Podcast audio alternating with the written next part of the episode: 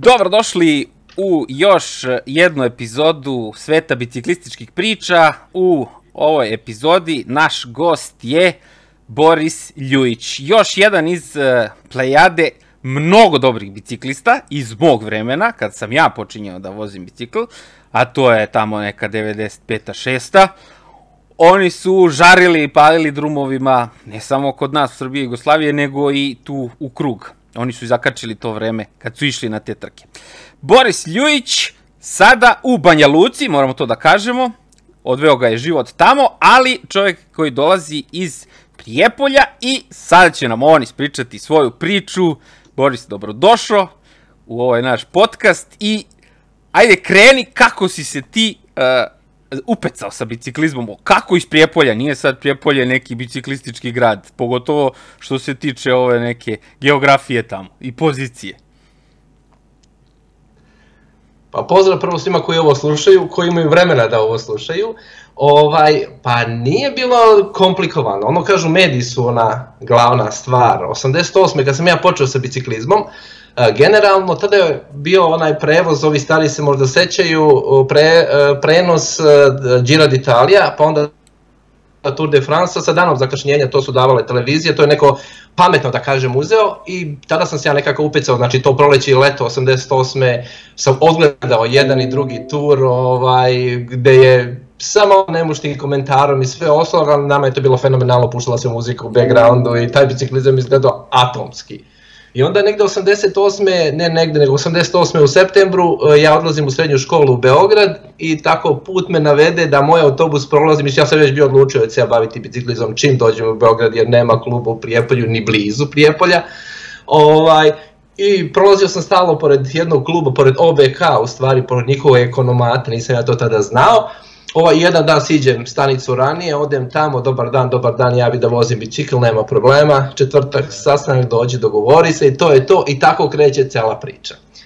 Posle toga ovaj, oni mi kažu da bih trebao da imam neki bicikl, šta ja već znam, kupi se neki Unis, Unis čelik, kako je to tada bilo, ovaj, ja krenem na treninge sa momcima koji su tada bili, tada su bili, da kažemo, bila je ona e, ekipa biciklista, Mića Živković je tada bio znači, godinu dana mlađi od mene, tu je bio Aljoša Spajić, Bojan Miletić, u stvari oni su kasnije nastavili biciklizam, ali o, u tom trenutku, znači na tim treninzima, na jednom kontrolnom hronometru, znači malo kasnije je bilo 14 kadeta u OBK, znači toliko je medijski taj Tour de France i, i, i taj Giro d'Italia doprinao tome da se, da se mladi zainteresuju za biciklizam. Imali se dva programa, nije bilo Eurosporta, nije bilo satelitske televizije i na jednom od tih programa je negde popodne išao ovaj, i Giro i Tour. I, i tako je kompletna priča počela.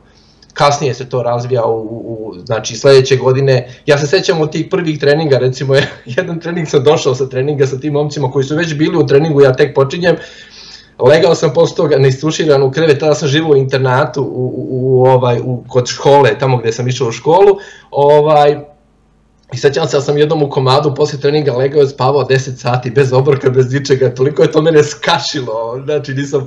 I kasnije kreće ta priča ovaj, pripreme sledeće godine, kako su kod nas kretali negde u martu za kadete, aprilu, i onda neke prve trke. I posle tih prvih trka, ovaj, budem ja tu solidan, budem četvrti, peti na tim trkama, ne sećam se sad tačno, i na tom jednom sastanku u četvrtak, koji su OBK imao jednu finu praksu da se svakog četvrtka sastavlja, sastaju svi vozači, znači od seniora do kadeta pionira i da pričaju šta se desilo, šta će se desiti, da se ispričaju neki planovi. A Toma Melenković koji je tada bio i sada je verovatno ovaj, ajde da kažem, sportski direktor tog kluba kaže Čiča Munjoz, Munjoz, ko se, ko se seća ranijih biciklizma zna ko je Čiča Munjoz i Munjoz koji je, koji je bio na, na neki način, pogotovo nas kadetima kao neka, kao neki otac koji je ono kao objašnjavao to se ovako radi, to se ovako radi, kao neki mentor je bio, ono ko je super radi, ako je bio senior, znači ništa specijalno nije bio, ali ne znam kako je došao do tog statusa, sad nije ni bitno. Ovaj, sklopim mu taj, taj bicikl, ja dobijem neki bolji bicikl, da kažem, za trku sledeće sledeće trke i onda kreće, da kažem, ta neka priča, jer to su bila neka vremena kad jednostavno nije se plaćalo ništa kao što sad se recimo plaćaju u sportu. Moja čerka recimo ide na karate, plaćamo određenu količinu novca da dobije samo, nije samo, ali dobije samo trenersku, da kažem, da, instrukcije, dok sve ostalo plaćamo i putovanje i sve živo, tada se ništa nije plaćalo, to su bila neka srećenja vremena, tako da se moglo ovaj, jednostavno se po inerciji to gde su išli seniori, tu su išli juniori i kadeti i onda smo krenuli na te trke, sećam se svoje prve trke u Kavadarcima, bio Vataški memorijal, to je etapna juniorska trka, mi smo kao kadeti juniori voze zajedno, tada su to zvali mlađi juniori, ovaj, vozi se zajedno i ja se sećam u jednoj etapi ovaj, je krenulo neko, start je bio, to je moja prva ozbiljna trka, ja nemam pojma ko je ispred, ko je iza, samo idem za maso i krene neko brdo i, i penjemo se mi, ja vidim neki ljudi, ljudi me prolaze, ja prolazim ljude i odlazi neka grupa sada raš i ja sam ono razočaran, ja mislim ja sam posljednji da me nema, ne, ne, ti si onako kao, kao kada daš maksimalno od sebe, ne znaš gde se nalaziš i ovaj, i ode ta grupa, ja iza ostanem sa nekim Grkom, patimo se mi, neka kocka dolazi se u neki grad, kocka 30 km kocke, ima ono haos, sve se trese oko tebe i mi se okrenemo i nas tek stiže glavna grupa, znači bila grupica od četvoro ljudi, nas dvojica kao kadeti i velika grupa koja nas je tek stigla ono nešto pred cilj. Znači toliko je, da kažem, tako je bilo. I tako kreću trke ovaj kadeti, juniori i sve ostalo sad.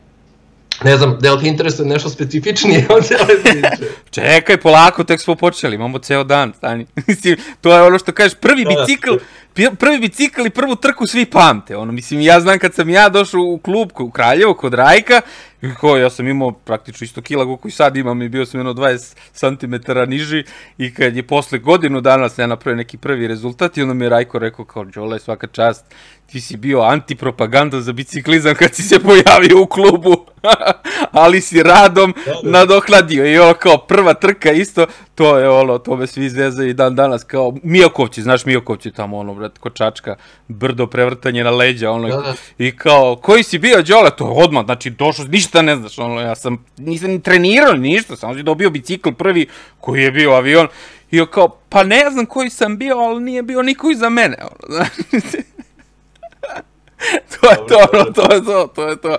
15 godina, ali ništa ne znaš, što kad, kad si kadet, ti nemaš pojma kako trka funkcioniše, šta se tu dešava, da ti možeš, da drugi se isto pate gore nego ti možda, znaš, ti si, to je to. Ali ti si zakačio i ono vreme stare Jugoslavije i ti si vozio te trke sa ljudima koji su sada u, u Sloveniji, koji su to ono, place to be Slovenija, što ja volim da kažem sada, ono, idemo svi u Sloveniju. Ti si vozio sa tim ljudima trke tada u tom periodu kad si bio junior i, i, i imaš li neka sećanja o tome? On? Jeste, ja sam zakačio to neko vreme, mislim, taman sam trebao da vozim ozbiljne trke, da kažem sve se to nekako uh, rasne, nekako raspalo se, znamo kako se raspala ovaj zemlja. Ovaj radi se o tome da smo ovaj uh, uvek je bilo skupo znači ići na te trke u Sloveniju. Ja sećam jedan put e, na jedno državno prvenstvo, jednostavno je bilo, da kažem, finansijski neisplativo da idu i kadeti, pošto su išli seniori i juniori, sad kadeti na Rogli je bilo brsko prvenstvo Jugoslavije, tada velike Jugoslavije, i u jednom trenutku, pošto je uh, odmah tu do Tomi Milenkovića bio otac od Miće Živkovića, ovaj, i on je jednostavno u jednom trenutku rekao kao, e da, kadet neće ići, i on je rekao, ok, ja vodim kadete o svom trošku, istrpao nas u svoj Opel Obegu veliki na krov bicikla i otišli smo tamo. I to su bila moja prva iskustva, da kažem, tog, tog nekog zajedničkog voženja, to velika nagrade Metalija Komerc na Cumroku, to je mene bila jedna naj, naj, najdrža trka, ono, dve godine sam vozio, možda dve godine sam vozio tu trku, ovaj, koja se vozi uzbrdo po kocki i oko Cmroka se, znači parka u Sarajevu, u, ovom, u Zagrebu vrti, drugi dan se vozi kriterijum na pisti, to je neko fenomenalna stvar i što je jako velika stvar u tom trenutku bilo da se uđe tu reprezentaciju Jugoslavije, znači kao kadeti, juniori, dobro, kadeti manje više juniori, seniori, onda dobijete reprezentativni program, onda idete na velike trke, recimo, uh, mislim da se zvala Dusika Juventur, uh, te neke velike trke, ovaj, Bohemija, to su velike trke, trka kroz Istru, duše mi smo učestvovali na toj trci kroz Istru ovaj, kao, kao reprezentacija Srbije, reprezentacija Beograda, tako je nešto bilo, da, da kažem, ta, ta neka podela. Ovaj, jako je bilo bitno da se uđe da se ti pokažeš tamo da si dobar, da, da, da do, dobro voziš i recimo poslednje veliko državno prvenstvo je bilo baš u Novom Sadu, ovaj, gde, gde sam eto, gde smo pobegli u jedno, u, u, trci ovaj, sa Štangeljom, Jovančević, Kokica je bio sa nama, još jedan momak iz Metalije Komerc, bežali smo solo ispred, ispred grupe, znaš, i ulazimo u taj neki zadnji krug i samo Štangelj ja ostanemo na brdu Ziriške venece, on me otrese nekim krivinama nizbrdo, on pobedi, mene stigne grupa i ostalo. Znači, meni to bila neka fenomenalna, ovaj, da kažem, a, a, a, u tom trenutku, mislim, ja sam se u tom trenutku ovaj, grozio situacije da neko od mojih drugara kaže, malo kasnije to bilo, ali kaže kao šta bi ti volio, jedan put doktor jedan dođe nam na, ovaj, na pripreme i sad priča sa nama ovaj, i kaže šta bi ti volio, šta je tvoj krajnji cilj? I sad jedan od drugara kaže iz, iz ekipe za prezentacije kao pa da pobeđujem tu trke u Srbiji. Meni to bilo neprihvatljivo, ja sam htio da budem svetski prvak. Znači, u sportu kad krećete idete na najviše, znači ne idete na neki prosek. I jednostavno ja sam tako i živeo i kasnije non stop. Ja sam recimo, mene pitaju ovaj ka, šta si ti vozio, kakve strke vozio. Ja kažem bio sam profesionalac, nisam vozio u, u, u ovom pro turu. Ali ja sam od biciklizma živio nekih 4-5 godina. Znači samo od biciklizma, nije očeg više. Znači jednostavno što zaradiš od biciklizma, od toga da kažem preživljavaš. Elem, ovaj, uh, za to državno prvenstvo je završilo, meni jako dra, žao što to državno prvenstvo nije završilo onako kako sam ja to želeo. Koja je to godina? druga priča. To je 90-a. E, 91. se desi jedan ružan, ovaj, da kažem, događaj. Ovaj, ja želim da pređem u Partizan iz nekih organizacijonih razloga. O tome je pričao čak Mića prošli put u, u, u tvom, ako to bio prošli ovaj, a, podcast ovaj, da pređemo u drugi klub, možemo kasnije pričati o tom ako ti interesuje, ali ajde sad više nije ni bitno posle toliko godina i mene Tomo Milenković to OBK kazni na 18 meseci suspenzije. Znači ja celu sledeću sezonu bi trebao da izgubim, a to je druga sezona juniora. U, to je sezona gde event, gde, gde možete da uđete u reprezentaciju, gde možete vozite velike trke, to je jako važno, jedna od najvažnijih sezona ovaj, za bicikliste, kao i kad pređu posle senior, ali to je jedna od najvažnijih sezona i ja tu malte ne celu sezonu odem na sud, dobijem na kraju na sudu, ali pola sezone je prošlo, sve se to, ajde da kažem, prođe. Posle toga, ovaj, prešao sam u Partizan i u Partizanu sam imao jednu jako finu, harmoničnu, ali u biciklizmu nikad nije bilo nešto novaca, pa su uvek moralo da kažem nešto krpiti, smišljati kako bicikla, smišljati kako otići na trke, smišljati kako sastaviti ekipu i tada jedna fenomenalna ekipa se sastavila u tom trenutku, znači već kao junior i Plećaš Aleksandar, jedan fenomenalni, možemo pričati o par nekih talenata u biciklizmu koji nisu doživeli zrele seniorske dane u vremenu kad sam ja vozio, samo iz tog, zato što ih sistem jednostavno, a, a, ni, i oni možda nisu bili dovoljno uporni, a pre će toga biti da ih je sistem ono jednostavno, da kažem, a, ispljunuo kao, kao, kao, Istisnuo, kao, kao suvišne ili kao nedovoljno, nedovoljno vredne, recimo taj plećaš Aleksandar koji na kosmajskim partizanima jedna od jako važnih juniorskih trka u to vreme ospenta Bogdana Finka koji je dve godine ili godinu dana kasnije bude treći na svetu recimo zamislite tu priču i nosi žutu majicu ka, ka, kao, kao neko koji je prvi put došao, otprilike slično ovome što Roglić sad kad je, kad, kad je došao sa skijaških skokova, ovaj, u, u, znači fenomenalan talent, ali jednostavno nije mogo da izdrži tu tu presiju sistema, mislim on je sad lekar, doktor, uh, sećam se dana kad je, kad je napustio biciklizam, kad je rekao, ej, znaš šta, ja sad dodo, hoćeš me ispati sa priprema u Kotor, hoćeš me ispatiti na stanicu, idem studirati ovaj, medicinu. Recimo te neke priče. O, zatim imali ste hrpu tih nekih stvari, Igor Janković, Cico, njih svi su ga znali, fenomenalni junior, član reprezentacije Jugoslavije, pobedio je hrpu seniorskih trka, kriterijuma, svi smo gledali Cicu kao fenomenalnog biciklistu, Belić takođe iz Novog Sada koji je fenomenalan da kažem bio materijal, jednostavno su juniori, vojska i posle toga se nekako nisu uklopili u ceo taj sistem, s tim da je Cico sam tek skoro saznao prošle godinu dana da je zbog nekih treninga, kako je on opisao, pre doziranih je ono imao problema sa kolenima, svašta nešto. Bilo je kod nas eksperimenata u jugoslovenskom biciklizmu sa stranima, trenerima iz Bugarske, iz, Rus, iz, iz Rusije, tada, da, Rusija ovaj, bila posle toga, ovaj, dolazaka pa proba nekih treninga, ali oni imaju drugačiju količinu biciklista, tamo možeš tako raditi, a kod nas moraš od šest biciklista stvoriti šest, ili pet, a ne možeš od 100 biciklista uzeti pet da ti voze reprezentaciju. Mislim, Tako je bilo. u Rusiji, inače su u Rusiji ljudi potrošla roba, a kamo li biciklisti, ono, i, i dan danas. Ja. 90-ih se dosta ruskih ekipa dolazilo kod nas. I oni kažu, ovaj, jednostavno, oni su, kod, njih je, kod nas je bilo njima odlično zato što su mogli da zarade dobre novce, ovaj kao ekipe, kao timove, a posle ću reći šta su Ukrajinci radili, ovaj, da, da, da bi došli, znači ekipa sa Boldarenkom koji su bili, ja mislim, treći ili drugi na svetu, na 4000 metara na svetskom prvenstvu 95. Oni su kod nas dolazili na trke i bili po Italiji sve ostalo, to je neka, ovaj, da kažem, druga priča. Kažem, žao mi je dosta tih a, a, a, mladih ljudi je bilo u, ovaj, u biciklizmu koji jednostavno su, nisu doživeli zrele uh, zrele uh, seniorske dane da mogu da daju prave rezultate, a stvarno su bili fenomenalni talenti. Uh, u biciklizmu imate, ne u biciklizmu, generalnom sportu, ali imate dve vrste ljudi, to je ona koja dođe sa suvim talentom. Obično ti sa suvim talentom manje treniraju jer imaju taj talent i jednostavno ovaj, nemaju potrebu. I imate drugu grupu ljudi koji jednostavno žele da treniraju i vole i dosta rade. Kad imate super talent, kad imate pametan rad, I sve to, da, da, i ja sam isto takav, znači ja sam ono generalno bio prosečan što se tiče tog talentovanosti, ali sam jako mnogo radio i sportski sam živeo, znači ja dok sam se bavio biciklizmom u 10 je bilo leganje, zna se kakva je ishrana, zna se kad je ustaanje, zna šta je trening i onda imate recimo jedini stvar koja vas može ovaj, poremetiti u tom jeste loše vreme, kiša, sneg i sve ostale stvari. I onda smo se dovijali, što, što kažu ovaj, Vojvođani, dovijali na razne načine kako da to nešto rešimo.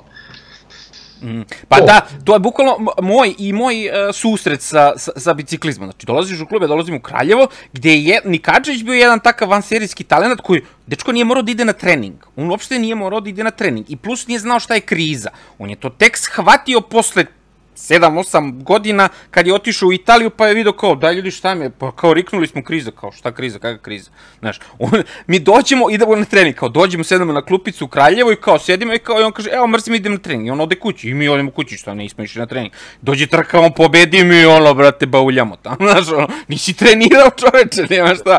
I, i moj ulazak u biciklizam je bukvalno bio 95. i ja nisam imao pojma ni da tu ima trka ni da tu ima nečeg. I onda su kroz tu priču sa takvim ljudima ljudima, sad kao, e, ima, znaš, pobedio Indurain, kao šta, kao Indurain, šta? E, pa kao, pa ima i trka kroz Srbiju, kroz Jugoslaviju, kao šta ima, šta je to, znaš, ja sam odmah to sve gutao i 96. čini mi se, ja čekam reportaže da bude, ne znam, da, ono, kao Jugoslavija, Srbija, šta je bila, ne znam ja, i gledam u Požarevcu, Ljujić pobeđuje, dolazi solo, znači, meni je to bilo, pa ja ne znam, to mi je kao, ono, ne, ja ne mogu da opišem to oduševljenje koji dan danas pamtim na tu sliku kad ti prolaziš kroz cilj, podižeš ruke kao onaj čovek koga mi znamo, koga smo viđali na trkama je sad pobedio sve te Ruse, to što ti kažeš ti Rusi i Ukrajinci, to je išlo nenormalno, to je sa starta 50 i tu nema skidanja brzine, kakva taktika, kakve krači na, u to vreme, ti se bolje toga sećaš.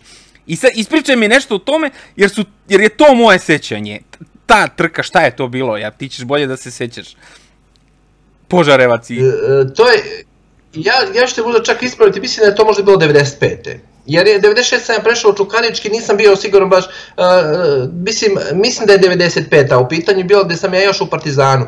Ovaj, uh, pa ništa, uh, tada su, recimo, mi smo trenirali 95. a mi smo još uvek, mislim, pod sankcijama tada, ne možemo izaći nigde. Ako putujemo negde u inostranstvo, prvo trebaju da nas prime na tu trku, pošto smo mi neko ko vozi u belim dresovima, znači ne možemo nositi obeležja zemlje, ne možemo ništa i sad svaki neki organizator, naš ko prima, nas prima sa rezervom, recimo u Italiji ali smo mogli da odemo da vozimo, ali smo išli preko Mađarske, Austrije, znači totalno krug 25 sati budete u kombiju, posle 25 sati kažu da je stres od vožnje, to je putovanje, jedno od najvećih stresova, pored onih, da kažem, stresova fizičkih koje vas može desiti, ovaj, jer jako se teško oporavlja, kasnije smo imali, da kažem, neke trikove tipa da, da ekipa ode, da, da mehaničari, svi ostali sa biciklima odu, a mi odemo avionom, recimo, sećam se kad smo odlazi u Italiju, mi će, ja recimo u Rim dođemo avionom, pa nas pokupe tamo i onda provedete dva i po sata u, u, u putu kompletno umesto da se ovamo klackate tipa 20 sati u kombiju. Jako je bitno ono kao i aklimatizacija i sve to, ali to je neka druga priča, to možemo možda pred kraj da pričamo. Ovaj, e, misao mi je otišla sad. 95-a požarevac. Da, 90, 95. Da, i onda smo ovaj, stvari u tome što dolaze ekipe koje voze prilično ozbiljan program svetski, znači mogu da odu bilo gde u, u, ovaj, u Evropu i da voze te trke i dosta jake. Sećam se ekipe Belorusije Patenko koji je mogao da osprinta šta hoćeš, osim redko Zorana Jelića koji ga je uspio sa svojih 65 kg da otmita, to nikome nije bilo jasno kako je taj čovjek tako dobro sprintao, a u isto vreme nije išao tako dobro na brdo. Ja sam kontra, moja konstitucija je sprinterska, a išao sam dobro na brdo, a sprintao sam nikako do posljednje sezona ili posljednje sezone. Nikad nisam grupu sprintao da se razumije, tu mora da ste da se specijalan mentalni sklop da sprintate grupu, jer tu je pored vaše fizičke snage, eksplozivnosti, brzine i svega mora da imate, budete jako hrabri, da se provučete onuda kuda da fizički kad pogledate ne može prođe čovek između dva čoveka, između ograde i čoveka, zato imate ovakve teške padove na Tour de France-u i, i, i ovim Grand Tourevima, zato što jednostavno su to sprinteri koji u tom trenutku ne razmišljaju, on hoće da prođe, nije bitno kako će da prođe i onda kad je neko jači od vas, stabilniji od vas, vi samo odbijete od njega i vratite se u ogradu i to se dešava često, to bude kazna onog drugog, kao što je bilo na turu, jel tako? Da, da, da. Umesto ono koji se provlačio, šta je kog vraga imao da radi pored ograda na 22 cm, se provlači pored njega u sprintu na, na, na 60 na sat, 70 na sat, kad vas neko pipne, to očekujete da će da se obori, imate odbrambeni mehanizam odmah, evo vi se branite, na kraju krajeva ravnotežu vraćate da se, ne, da, da se vratimo opet na priču, ono, svaki put odemo. I pored znači, svih tih ljudi koji dolaze, mi smo morali da imamo neke trikove kako mi da uzmemo uh, do, do, dobru poziciju, na kraju krajeva novac, pošto je tada prilično dobro plaćalo prvo drugo mesto u etapi, pošto je to bile etape visoke kategorije i sve ostalo. Pete kategorije, tada to vam je kao sad ova 2-2 kategorije kako je vode.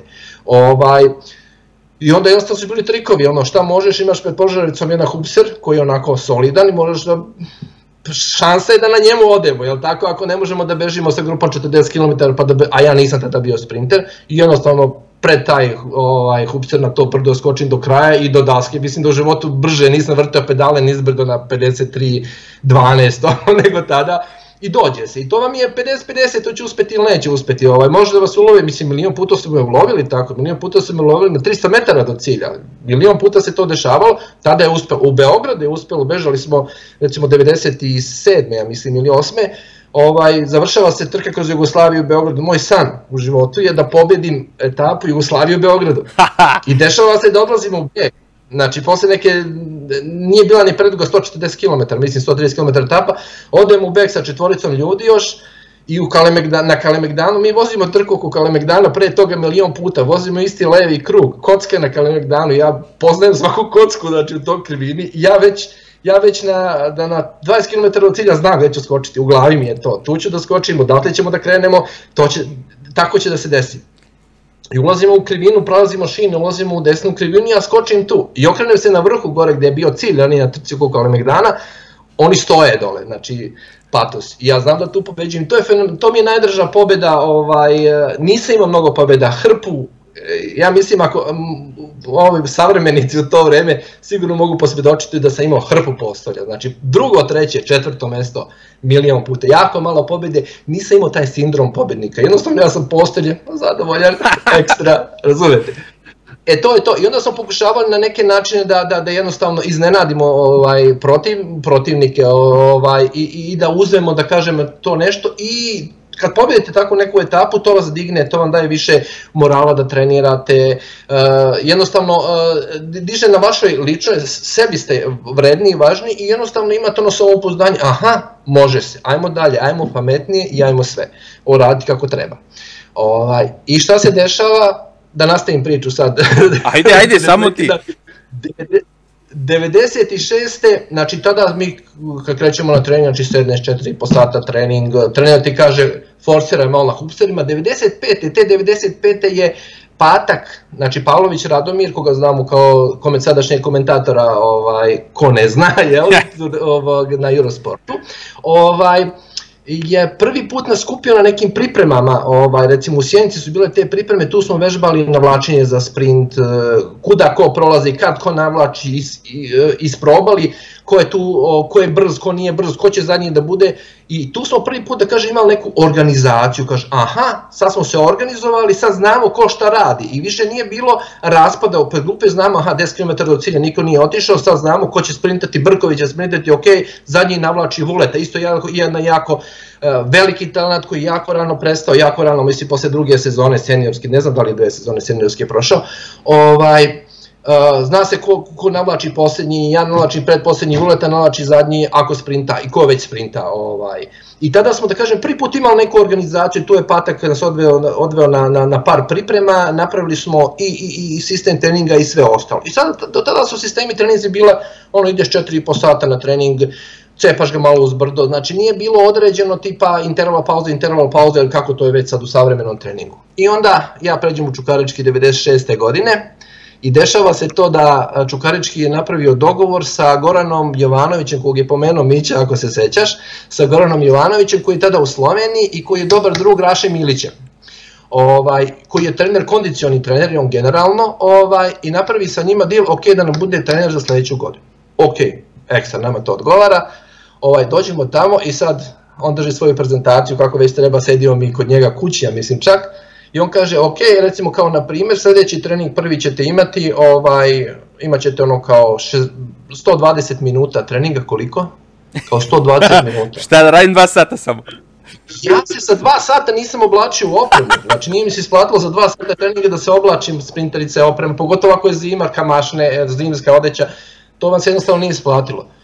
Ja tu onako živim od biciklizma već, znači to mi jedini prihodim i ja sad već tu imam onako rezervu i tu debelu rezervu, no kao koji je ovaj lik, on će nas ubiti, znaš kao. A sutra imate trening dva puta po 30 minuta, u drugoj pulsnoj uvodimo pulsmeter, znači odemo kod Raše Milića u laboratoriju, nađemo gde su nam laktatni pragovi i sve ostalo što već, to je sad već ono da kažem normalno, mi smo pioniri u tome. I kaže kao, a mi već kasnimo jedno mesec dana, trebali smo krenemo pripremu u novembru. U novembru.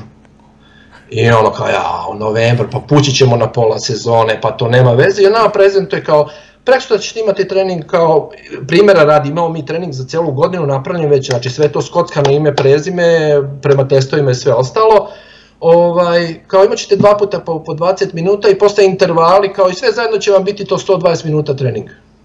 Opet mi kao 120 minuta trening, sa srće, bez, znači za dva sata se nisam oblačio. I mi smo tu u frci onako debelo i sad kreće ta priča, jednostavno imate klub, imate dodeljenog trenera i morate trenirati. Ja sad vidim da umesto onog kvantitativnog treninga koji smo imali ranije, znači na količinu, pa ubodeš te neke sve elemente na ovaj ili onaj način, ovaj, dobijate kvalitativan trening gde vam jedan trening vam, recimo dužina vam trenira, skinate mase naslage, mitohondrijalni kapacitet povećavate, znači trening koji je ono, ono najslični trening koji smo mi ranije radi, ne sepa se nešto specijalno. Potom imate sledeći trening, endurance trening gde trenirate u nekoj drugoj pulsnoj zoni gde trenirate izdržljivost koja vam je jako blizak onom hronometru, ovaj, pulsu na hronometru, pa imate treći trening intervala gde radite uh, VO2 max, znači povećavate po, generalno potrošnju kisovnika, pa do nekih treninga kasnijoj fazi ili u finalnoj fazi priprema kad imate neki picking sprints gde radite kako da iz laktata proizvedete energiju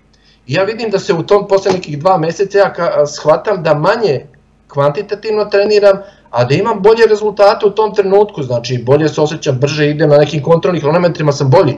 I shvatim da je to pravi sistem treninga i od tada sam ono kao vezan za to, ono kao, kao prvi put imamo neki, da ti ne pričam šta je srpska javnost, biciklistička javnost u tom trenutku rekla ono kao, a budale, pa puće na pola sezona, ma nema šansi to da uspe ništa. Znači, pa ja sam tad bio klinac. Mar... Ja sam tad bio klinac sa vama na pripremama. I sad idemo ono dole mi u Šušnju, ne znam šta, de, ili Hotel Sidro gde smo bili, ono sad i kao, znaš, mi smo tad bili šta, kad de, uh, juniori smo bili, krenuli smo na pripreme, juniori kao i sad kao ima nek, znaš, kao čukarički, vrate, ono nešto puls, pa, ma kao, ma ništa, on, ma oni ništa ne rade, vozaju se, to baš došli ti ma dva sata samo idu na trening, ne, mi, vrate, ceo dan, ono, znaš, ti, brate, dođeš mrtav, čoveče, ti ne možeš da okreneš pedalu, ti si se pretrenirao, ti dođeš na trku i ne možeš da okreneš pedalu, a na treningu znaš da letiš, ali si mnogo leteo, brate, to ono, i tu ono kao, a oni nešto tu. to je baš to. A to je, to je neka stvar, ja u to, u to vreme sreća jugoslovenskog biciklizma, to je tada, mi smo zvali jugoslovenski, mada to generalno bio srbijanski biciklizam, jer, jer u, u Crnoj Gori je bio jedan klub koji malo egzistirao, malo nije egzistirao. Ovaj, u tom trenutku, u, tom, da kažem, ajde, srpskom biciklizmu, ovaj, uh, ja garantujem da je sreća u nesreći loše vreme napolju gde odmori bicikliste, znaš, ono, pada 7 stepeni napolju 6, ne ideš na trening i tu bicikliste odmore. Znači, jednostavno nije bilo sistemskog odmora jer smo ga cepali, cepali, stalno smo bili ne, znači mi smo bili u over treningu, ja, ja vam garantujem da bi recimo Mića Brković, koji je sjajan biciklista, koji, je, koji me pobedio milion puta, ono, jedan na jedan da kažem, ovaj, je, bi bio mnogo bolji biciklista da, su, da, su, da, da, da je bio doziran intenzitet i odmor. Znači da jednostavno ti dođeš odmora na trku. Mi smo bili recimo posle par sezona hronično umorni. Ti se ni, ni preko zime se ne odmoriš kako treba krećeš. Recimo tada se kretalo negde kad su mi u novembru krenuli pripreme, svi su kretali u martu pripreme. Znači decembar, novembar, decembar, januar, februar, mart, pet meseci. Mi smo računali da smo u maju u formi da možemo voziti trke kako treba, negde do aprila, maja smo ono kao, aprilske trke su bile ono kao pripremne, lagano, paziš na puls, ne, ne ispucavaš se previše i sve ostalo. I dešava se ta revolucija kod nas, znači da sledeće godine ili godinu iza svi kreću u novembru na pripreme. Znači, kompletna priča se obrće, iako ja mislim da nije, ne, ne znam, to ne mogu, nisam bio s te druge strane, ne znam ovaj, da li su znali šta i kako, ali jednostavno se ranije kretalo u pripreme i, i, i kompletna priča je, ovaj, da kažem, da, približili smo se malo onom svetu ovaj, gde, gde, gde, se, gde ono heart rate monitor, znači ono monitoring rada srca, znači gde se kroz, u tom trenutku nisu još pulsmetri jesu 80 neke nastali, ali pulsmetri komercijalno tek 2000 neke su krenuli da se prodaju, o, ne govorim pulsmetri, govorimo o powermetrima. Ovaj, tek 2000 neke su krenuli komercijalno da se prodaju, znači do tada je se radilo isključivo na puls, ovaj, gde, gde ima svojih, mislim sad vidimo da kod, kod rada na puls ima nekih nepravilnosti koje powermetri popravljaju, da kažem, tačniji su i sve ostalo. Mm. Šta se dešava posle toga? Ajde ubrzo da ti pređem kroz to, Znači, u Čukaričkom, recimo u Čukaričkom bilo fenomenalno koliko mi god e, imali, koliko razni ljudi god imali neke razne, e, e, da kažem, poglede na to, ovaj, Neša iz ovaj i u Čukaričkom je stvarno pokušao od tog kluba na oni njemu jako bilo bitno kako to izgleda s polja, kako te klub izgleda, to izgleda kako treba da izgleda evropski. I recimo jako fair odnos sam imao u Čukaričkom uvek, ovaj, recimo jedini klub gde mi nisu tražili opremu nazad kad sam završio, da kažem, karijeru, gde su rekli sve, sve što je kod tebe, ostaje kod tebe, nećemo, nećemo ovaj, vraćati dres, ovo, ono, da, nemam ni jedan reprezentativni dres kao ni Mića. Oni ja, ja sam pošto tu priču, ovaj... mislim, jer ja sam, ono, prevrtao moju fioku, jer hoću snimam neki video i kao, Šta snimam ja video, nemam dres. Znaš, kao, Ali to je tako bilo i onda... Da, nema, jer, jer pravilo je bilo uzmeš na kraju trke, vratiš to i to je to. Mislim, a, tako je bilo. A, a takve su stvari bile. Čukalički je sa te strane bio vrlo korektan, recimo, ono, sve što je bilo od opreme, znači kod mene ostalo je kod mene oprema, tako da nije bilo onih, da kažem, e, priča kao ranije, ovaj, e, da se moraju vraćati oprema i sve ostalo. Ono, reprezentativni dres i dalje nemam. Dobro, to, to je jasno svima. E sad, reci mi, uh, koja je to godina? To je, pričamo, 97. 8. tako nešto?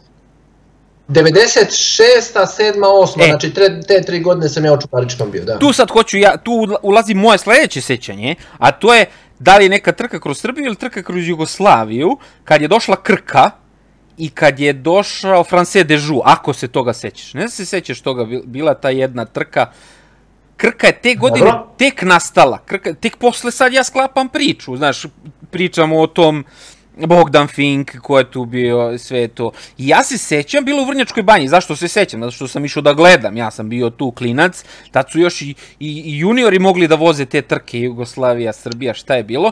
I ja se sećam, uh, da je Ivan Kvaranta, čovek italijan, koji je vozio za Krku, osprintao sve što je moglo da se tu osprinta i kao došao France Dežu, Profi Team, Tour de France, mogakvi nisu se videli od Krke, bukvalno ono. Ne znam da se toga sećaš. -hmm. da, da, li, da li... Znaš šta je? Uh, moguće, sad nisam siguran da je isti period, da li Perutnina, Krka, sad ne znam ko je koga nasledio tamo u, u Sloveniji što se tiče toga i bilo je francuskih klubova koji su dolazi, ja te mogu reći tačno sad koji je Franz Joux je bilo najavljeno da će doći, da li je bio, nisam siguran, moguće da jeste. U, uglavnom, naši, kompletna ta priča je stvari u tome što, što, što je bio taj nesrazum, nismo pokušali da stignemo da kažemo te neki svetski trendove u biciklizmu i svetske bicikliste, a bili smo nekako lokalno. Imate istu situaciju sad recimo u Bosni i Hercegovini, možda čak i u Srbiji, osim par ovih vedeta koji su, koji su uspeli da, da kažem da se izvuku iz cele te priče, ovaj, misleći pre svega na, na Rajovića, na Jelenu Jerić koja je fenomenalna, pratim baš Jovana Crnogorac e, koja je bila fenomenalna, nadam se će nastaviti ovaj da kažem u tom nekom ritmu pošto imala neku krizu za zadnjih godinu dve. Ovaj kako se shvati, ja sam recimo sa sa Lejlom Tanović, čiji smo i radim u firmi koja je sponzorisala Lejlu Tanović, ušao u taj ženski e, mountain biking da mislim da ga pratim. Pa sam tu video i Jovanu Crnogorac, Jolandu Nef, e, znači celu tu priču i koja, koja je fenomenalna koliko se Posle ćemo do toga. Možemo, posle toga. Ajde sad da, da, da, ovaj, da, da završimo sa krajem karijere i onda da. ovo sad desi sad. Ja. E, stvari u tome što je, što, što je tada dolaza hrpu nekih ekipa i sad organizatori su pokušali da naprave da te trke budu što jače, da dođu što jače ekipe, sve ostalo, a to je to, vam je otprilike kao da pravite žurku za, za nekog stranca. Recimo, sad vi, kao da vi sad pravite partiju u svojoj kući i pozovete svoga brata i vas, ne pozovete vaše prijatelji i pozovete i, i pozovete 60 stranaca budu tu i generalno napraviste žurku za te strance. Generalno su dolazi ti stranci, uzimali novac, pogotovo sa istoka vam dođe e, dve ukrajinske, dve ruske, dve beloruske ekipe, razumete, to vam je 2, 4, 6 ekipa ovaj, puta šest ljudi, to vam je pola, pola peletona vam je priča ruski jezik, razumete?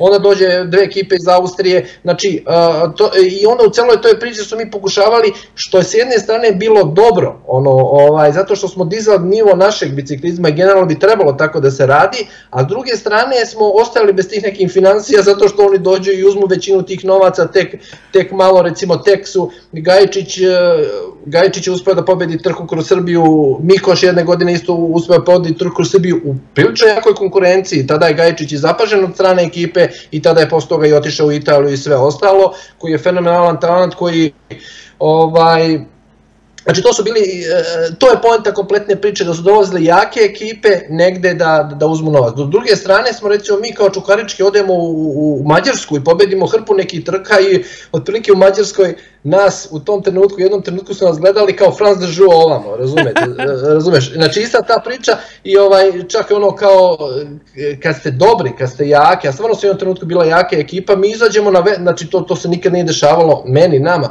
da mi izađemo na vetar i kažemo ajmo sad da, da iskidamo grupu, izađemo na vetar i iskidamo grupu napred i ono jedva prežive i onda na kraju se na kraju ovaj bude ono kao dođe neki lik kao mi bi volili da imamo ekipu kao Čukarički, jedan lik iz iz, iz vodstva neke druge ekipe. U tom fazonu, mada je nama to bilo nešto kao normalno, to su bile uslovne, za sadašnje uslove biciklističkih klubova jako skromne financije, a u tom trenutku je bilo teško, ja, ja razumem, sve te ljude koji su vozili klubove u to vreme, jako je bilo teško obezbediti financije, što bicikle, ovaj, što, što program da vi odete neku trku i mi smo računali pa jedna trka između nekih 2500 sadašnjih eura, 3000 eura ne može da vam prođe, znači da odete na trku sad u, u, iz Beograda u Sloveniju, da vozite etapnu trku i da se vratite, ne može bez toga. A, ovaj, e sad tu postoji jedan dobro, tome ćemo možda kasnije. Ovaj. I tako to funkcioniše do nekog trenutka kad Čukarički, da kažem, 98 u stvari, dešavaju se to mala previranje u reprezentaciji. Ja godinama govorim i ljudi, a, nabavimo, a, u stvari desili se jedan put da ja neka etapa 230 km, to je možda baš te godine bilo, to je bila a, trka ko Srbije od banje do banje, pa moguće da je to, tada bila ta da je to, da. banja. Ili... Banja, da. da. E, I onda se u ne, bila neka etapa tipa 230 km, neki, ba, ba, baš je razvukla bila, ovaj, i a, nešto 15 km pred cilja imam pad i, ovaj, i oštetim bicikl. I ovaj, dobijem bicikl koji nije uopšte, em što je tri broja veći od mene, em što na njemu je oprema strašna, ja posle toga govorim, ajmo ljudi, ovaj, nabavite jedan, dva bicikla u dve veličine, ne mora da budu tačno, sa pristojnim setom opreme, neko će zeznuti plasma zato što nemamo rezervni bicikl. Nabavit će se sve ok, nabavit će se sve kako treba. Na trci jednoj, znači kad, kad, ja recimo, kad ja prvi put ono kao ko biciklista da kažem, kad se prvi put iznervira, i me, svi znaju u biciklinu da mi je jako teško bilo iznervirati, ono, imao sam strpljenje baš uvek, E, dešava se to da ja u jednoj etapi isto tako padnem i slomim desnu ručicu, STI ručicu. Ovaj, I ja pominjem, ok, još smo mi u Aranđelovcu, tako nešto, letimo blizu Beograda smo. Ovaj, ja kažem, uh, nadam se da ćemo da imamo rezervni deo. Nema, ali kao stiže iz Beograda. Ok, znači može se odeti do Beograda da se vrati uveče, da se, da se to namontira do jutra. Nije to nikakav problem. Ja sutra startujem, na, dolazim na start, ručica je dole, ona klasična, znači na, na, na volanu indeks ručica. I ja tu, tu mi je ono, pored toga što se mi ono lođemo već neko vreme, čukarički u tom trenutku jako finansijski loše stoji, ovaj, ne, ne, nešto se izdešavalo, sad ja tačno ne znam šta da bi ti pričao šta se tačno izdešavalo, uglavnom mi loše stojimo i nemamo, da kažem, tu neku, to se zvalo hranarina ili stipendija, nešto, dobijali smo tih nekih 400 maraka tada, znači koliko je bio moj stan u Beogradu, znači sve što zaradimo od trka je, ovaj, je moja, znači na nuli sam sa tim hrana i, i sve ostalo su u stvari zarada sa trka. I ovaj, I ja kad sam video tu ručicu, meni tada prekipi, to je bio kraj, i ja tada krenem i napravim nekoliko skokova sa starta, onako baš iznerviran, iznerviran, iznerviran, i tu to je trka kroz Srbiju, 98. ja tu parkiram bicikl sa desne strane i ono kažem, ja više ovo neću i ne mogu, jer shvatam u tom trenutku da sam ja kao sportista, biciklista, ozbiljni od kompletnog saveza. Savez bi trebao da je neka organizacija koja je ozbiljna, jaka, koja vuče, British Cycling, uzmite otvorite British Cycling, British Athletics, organizacije koje su sponzori, recimo sad oko koroni i ostalih stvari, koji, koji sponzorišu neke druge stvari. Znači, nije stvar u nemanju, nego u organizaciji. Znači, ako, ako se dobro organizujete, sve može da funkcioniše. I onda shvatim da sam kao jedan pojedinac, znači kao jedan činilac u kompletnom tom ovaj sistemu, ovaj, ne mogu, sam ozbiljnio od cele organizacije i shvatim da to nema nekog specijalnog smisla i tu završavam sa biciklizmom, u tom trenutku zbog nekih dugovanja, zbog bicikla, ja sam čak morao moj bicikl da dam proizvođaču, razumeš, da ga rastavimo, da ram dam proizvođaču tog rama i sve ostalo, ovaj, ja ostajem u tom trenutku bez bicikla, ovaj, i zapošljavam se da radim kao serviser u, u lokalnoj tu nekoj firmi u Beogradu, ovaj, serviser za bicikle. I to funkcioniše kao tako, I, I čekaj, Živković u nekom... Aj, nastavi. Teo sam da te prekinem zato što jeste, A... to je ta godina. Pintarić je došao i, i razvalio celu trku. To je ta, ja mislim, 98. Znači, ta 230 km etapa, mislim da je on ceo dan bežao i pobedio. Kao Francis Dežu, stićemo ga kasnije. Nisu ga nikad uhvatili. On je pobedio generalni plasman. Uh, od banje do banje to je to bilo, to što ti pričaš. I tad je France Dežu bio ono, sećam se, onaj sive gaće su bile stare, one detelinice, to je to bilo, ali eto vidiš, sad kad si ispričao, ti imaš mnogo drugačija sećanja od mojih. da, da, da, ja sam uglavnom patio. ovaj, uh, e sada, ovaj, uh, tu dešava se to da Mića, ja sam tu već iznerviran i, i, i jako sam, uh, uh, imate jednom tu problem, do tada ste biciklista, znači biciklista ste reprezentativac, se živite od toga i sve ostalo, recimo dešavalo se ranije na trkama, ja dođem sa par hiljada tadašnjih nemačkih maraka ovaj, sa trke, I to je super. I to ne pobedim ja trku, nego pobedim ili jednu etapu, radim za druge, pobedi Nikače, pobedi ili, ili uh, Mikoš ili ovaj, uh, Gajčić trku, uzmu se neko osmeta drugu etapu, tada je bilo sistem da uh, kompletnu količinu novca, pola ide vama, da uzmete u etapi, pola ide vama, pola ide u fond, pa taj fond opet na sve deli. Tako da ste vi mogli zaraditi, ukoliko radite za svoje ovaj, drugove iz ekipe, mogli se zaraditi novac da ne pobedite ni jednu etapu, da ništa ne uradite. Znači, to je bilo fino organizovano, ali to je interni dogovor vozača, nije to neka velika organizacija, ni saveza, ni klubova, ni bilo čega. Ovaj, I dešava se recimo da u tom trenutku vi ste biciklista, reprezentativac i sve ostalo i dešava se u tom trenutku da izlazite i uslovno čeno kupite identitet, više ne znate šta ste. Ovaj, srećom, ja umeđu vremenu studiram filmsku montažu i sve ostalo, ta, o, filmsku montažu i tu da kažem neku, neku svoju, da kažem, zanat pravim koji ću moći u budućnosti da radi. Imamo maka koji su u tom trenutku, baš te godine, znači 98. 99. prestali sa biciklizmom koji su bili u prezentaciji, koji nisu imali neke special skillse da, da mogu da se bave nečim specijalnim. Ja sam igrom slučaja to imao, ovaj, ali gubite taj identitet osobe i onda morate da radite nešto drugo, pogotovo jedna stvar što vas ograničava je to da znate da ćete sad raditi za određenu platu koja je fiksna, tolika je i više ne možete vi da odete na trku, budete super dobri da zaradite više nešto novaca da biste mogli, da se razumemo, dosta tih novaca, ja sam svog trenera Gorana Jovanovića koji je postavio trening i svih tih godina trenirao sa nama, ja sam plaćao procenat od zarade moje. Znači, svog trenera sam lično plaćao, više ga nije klub plaćao, posle, posle prve godine jednostavno ovaj, nisu bili zadovoljni u klubu njegovim radom i rekli su, e neću više da radim, ja sam rekao ovo radi, ovo može, ja ću raditi s čovekom, vi radite šta god hoćete, tako da sam ja nastavio da radim ovaj sa njim, tako da sam radio da kažem do, do samog kraja. Ovaj, Nažalost, Goran Jovanović više nije sa nama, ovaj, tragično je preminuo pre nekoliko godina, tako da ne možemo njega pozvati ovde, nažalost, imao da. bi svašta da kaže. Ovaj, I kompletna ta uh, Mića Živković negde u nekom septembru mesecu 98. dođe kaže ajmo da napravimo klub. Pa daj Mića, nemoj me sad, jer meni je dovde svega, svih tih obećanja, klubova i svega ostalog. Ajmo da napravimo klub, imamo interesantnog sponzora, ovaj koji je zaljubljenik u biciklizam i koji bi želeo da uloži novac u sve to. I kaže, ajde ti napiši ovaj kao plan priprema, napravi budžet, napravi sve. I ja ono kao, bukvalno pokušavam da ga, da, da, da, da ga, od, ne da ga odgovorim, nego sam da neće da učestvujem u tom i on je bio jako uporan u celoj toj priči i onda kao ja napišem budžet koji je onako koji je tada izgledao strašan, ali što je u stvari bio optimalan budžet, ono, tipa, ono, kao 500.000 za pripreme i sve ostalo, plus bicikli, ti, ti, taj, taj, e, na te i te trke da odemo, mogli smo da, da napravimo spisak trka na koje ćemo ići sve ostalo, i kaže, mi će da, pristali su. Na šta su pristali, kao, pristali su na to. Rekao, ok, ako su pristali. I krenuo mi ulazimo u sezonu, znači prvog, ne prvog, nego prve sedmica novembra mi idemo na pripreme u ovu Budvu, znači sa reprezentacijom zajedno, pošto smo na neki način, u stvari bila, reprezentacija uzela kuću kompletno jednu gde su svi bili, ovaj, svi mogući i reprezentativci i svi živi su bili u toj kući, nešto kao hotel kući, ja se više ne sjećam kako je to tačno bilo.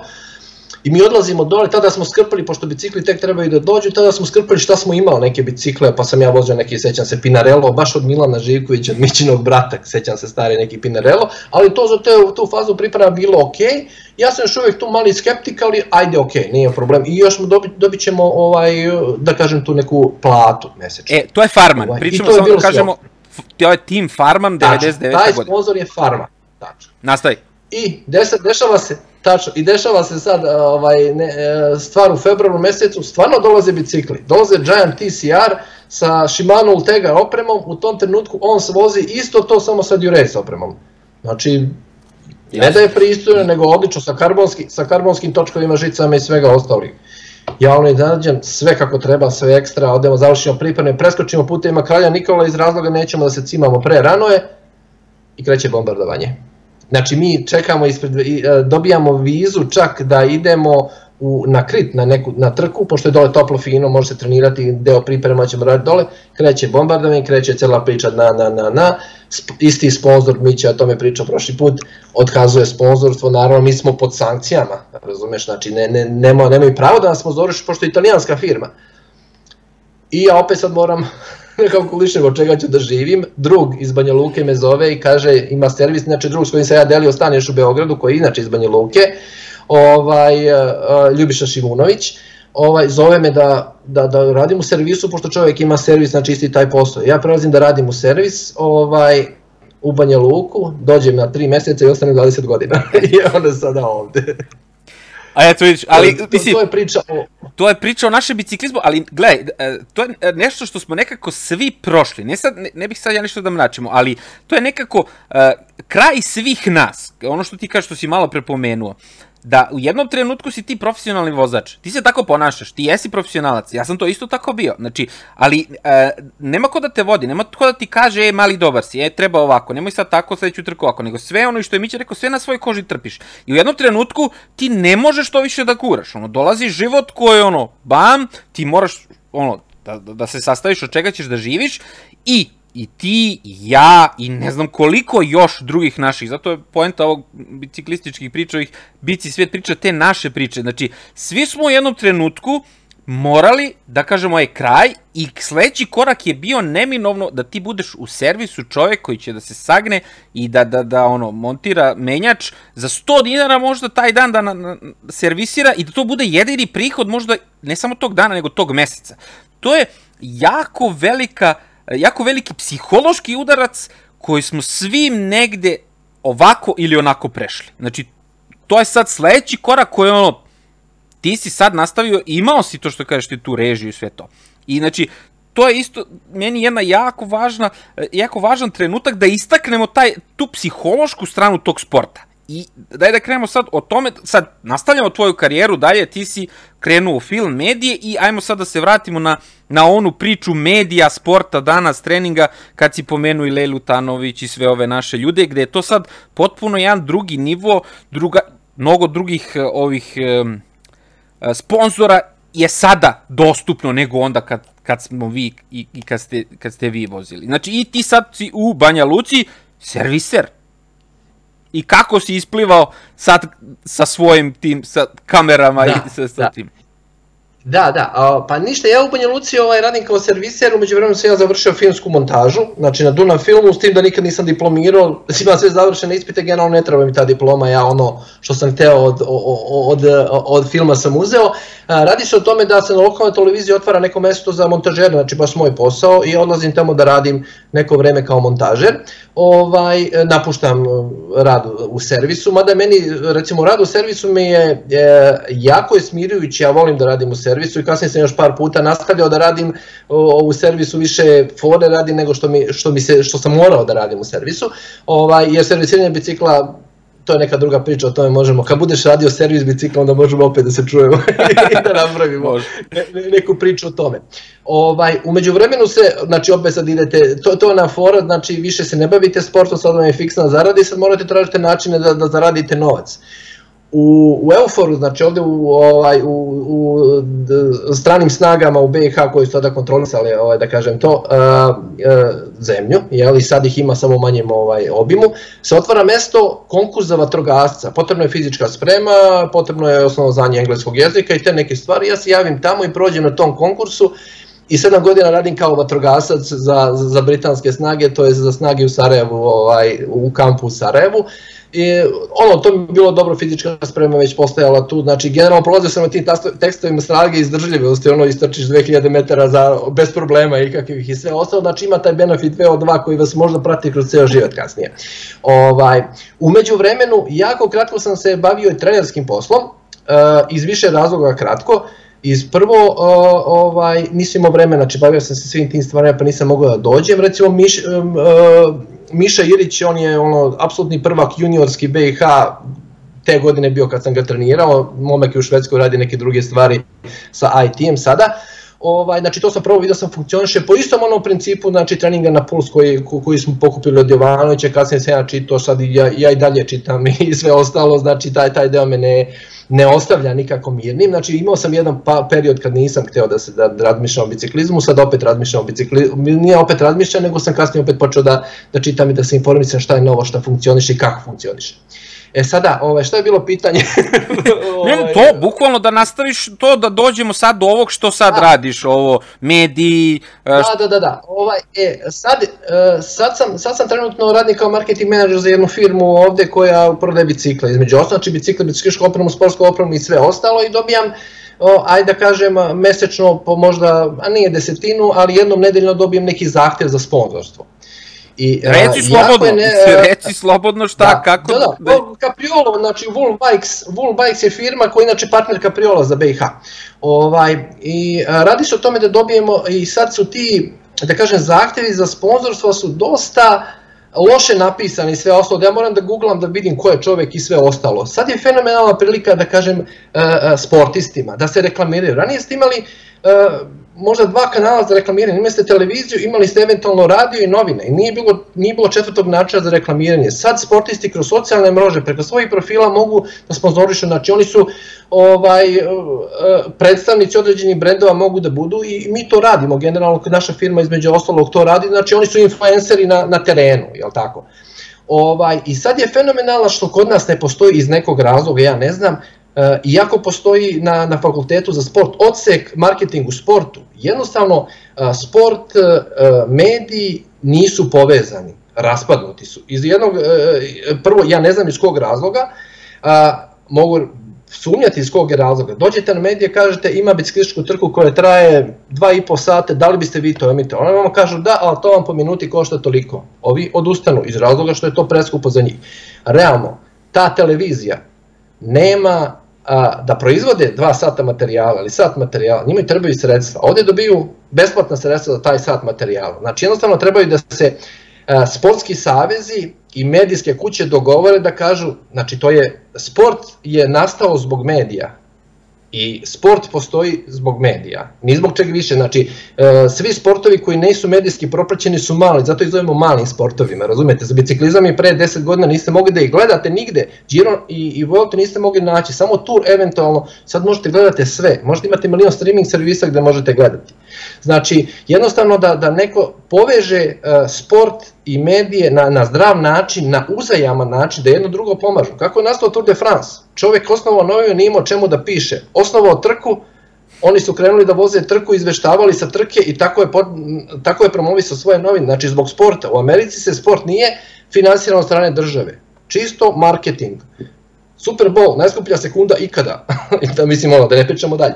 Znači to postoji na mikrosistemu, se isto može napraviti, iz nekog razloga to ne prave. Da li su to u savjestima ljudi koji možda ih interesuje i lični interes, pa ih ne interesuje to da, da, da kažem da prošire taj sport, nemam pojma. Znači, Pričamo generalno, generalno postale pričamo generalno o svakom sportu kod nas, jer a, biznis model svakog da, da, da. sporta kod nas je oslonjen samo na politiku. Uopšte nema te veze o kojoj ti da. pričaš sada. Mediji, sport, dajte da vidimo zajednički interes u celoj ovoj priči. Tačno. Prvi, prva stvar koju ja napišem, eventualni, ko napiše, kad dobijemo molbu za sponzorstvo, napišem mi nismo donatori, mi smo sponzori, što znači mi kad, ako vama damo nešto, ako se odlučujemo da damo nešto, mi očekujemo za uzvrat. Za uzvrat možemo dobiti samo reklamu. Mi imamo sa Vedadom Kariće, najbolji BH biciklisti u ovom trenutku, mi imamo fenomenalan, ovaj, fenomenalnu saradnju, znači on kroz svoje kanale reklamira neke naše proizvode, ipak je on najbolji biciklista i ljudi gledaju šta on vozi, kako vozi, šta, šta ima jednostavno na sebi. Lelu Tanović isto, koja je sad bila Osma, ja mislim, osma. sedma na svetu, sedma, osma. osma, osma na svetu u, u, u, ovaj, u, mountain, u disciplini ovaj, mountain bike maraton, što je fenomenalna stvar.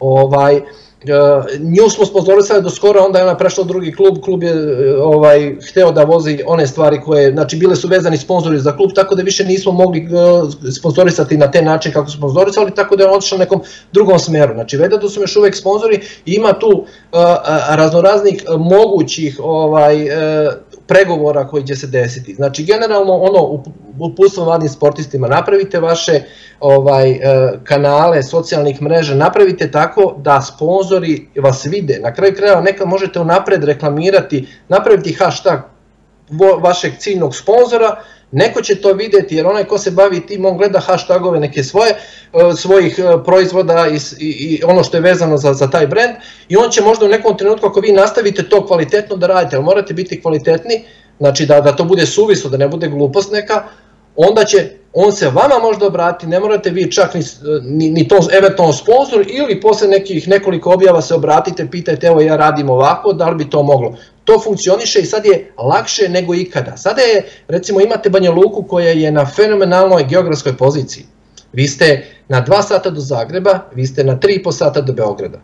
Vi ste e, do Sarajeva na 3 sata, vi ste u Budimpešti isto na 3 do 4 sata, znači na centru ste. Znači možete idete po kompletnoj, Austrija isto tako je na, na 3,5 sata, 4, znači generalno jedan biciklista, pogotovo mountain biker, gde mu ne treba ekipa od četvoro ili šestoro ljudi, znači može, ovaj, roditelj može svoje dete da spakuje da odvede na trku u Sloveniju, u Austriju sa ne mnogo sredstava, Sad je ta fenomenalna stvar što se tiče toga. Druga stvar, nama je ranije trebalo da izađemo iz zemlje, trebalo su nam 4-5 viza. Sad nam ne trebaju vize. Sad sednete, odete na jug Grčke ukoliko ste ozbiljan biciklista, a mi smo to u Čukaričkom radili, objasnit ću i tu priču.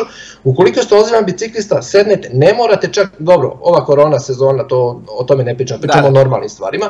Ovaj, sednete na bicikl, odete na jug Grčke gde je jeftina stanarina, znači jeftino možete iznajmiti van sezone, znači otićete 1. novembra budite do, do 10. marta dole van sezone, proćete jeftinije recimo nego u Beogradu sa svim stvarima, ovaj, i možete da, da napravite takvu dobru pripremu da posle mi to nismo mogli recimo, nama je jedan Šuškavac Gorotex, morali smo Bergo treniramo u tom trenutku Šuškavac koji je, koji je nepromočiv, a koji pušta napolje ovaj, uh, dišući, znači koji pušta napolje znoj i sve ostalo je košto 500 maraka. Sad su te cene niže i veća je ponuda i možete naći svašta. Znači, generalno, Ono što je lošije sad jeste cena bicikla. Cena bicikla nikad nije bila veća, jer su bicikli skupi, govorimo o vrhunskim karbonskim biciklima koji se sad voze, ovaj uh, grup setovi, pogotovo za drumske bicikle, a i ozbiljni grup setovi za mountain bajkove su jako skupi i to je onaj moment. S druge strane, ne morate da imate top opremu, ne morate da vozite Dures, čak ni u Tegru ne morate da vozite, ne morate,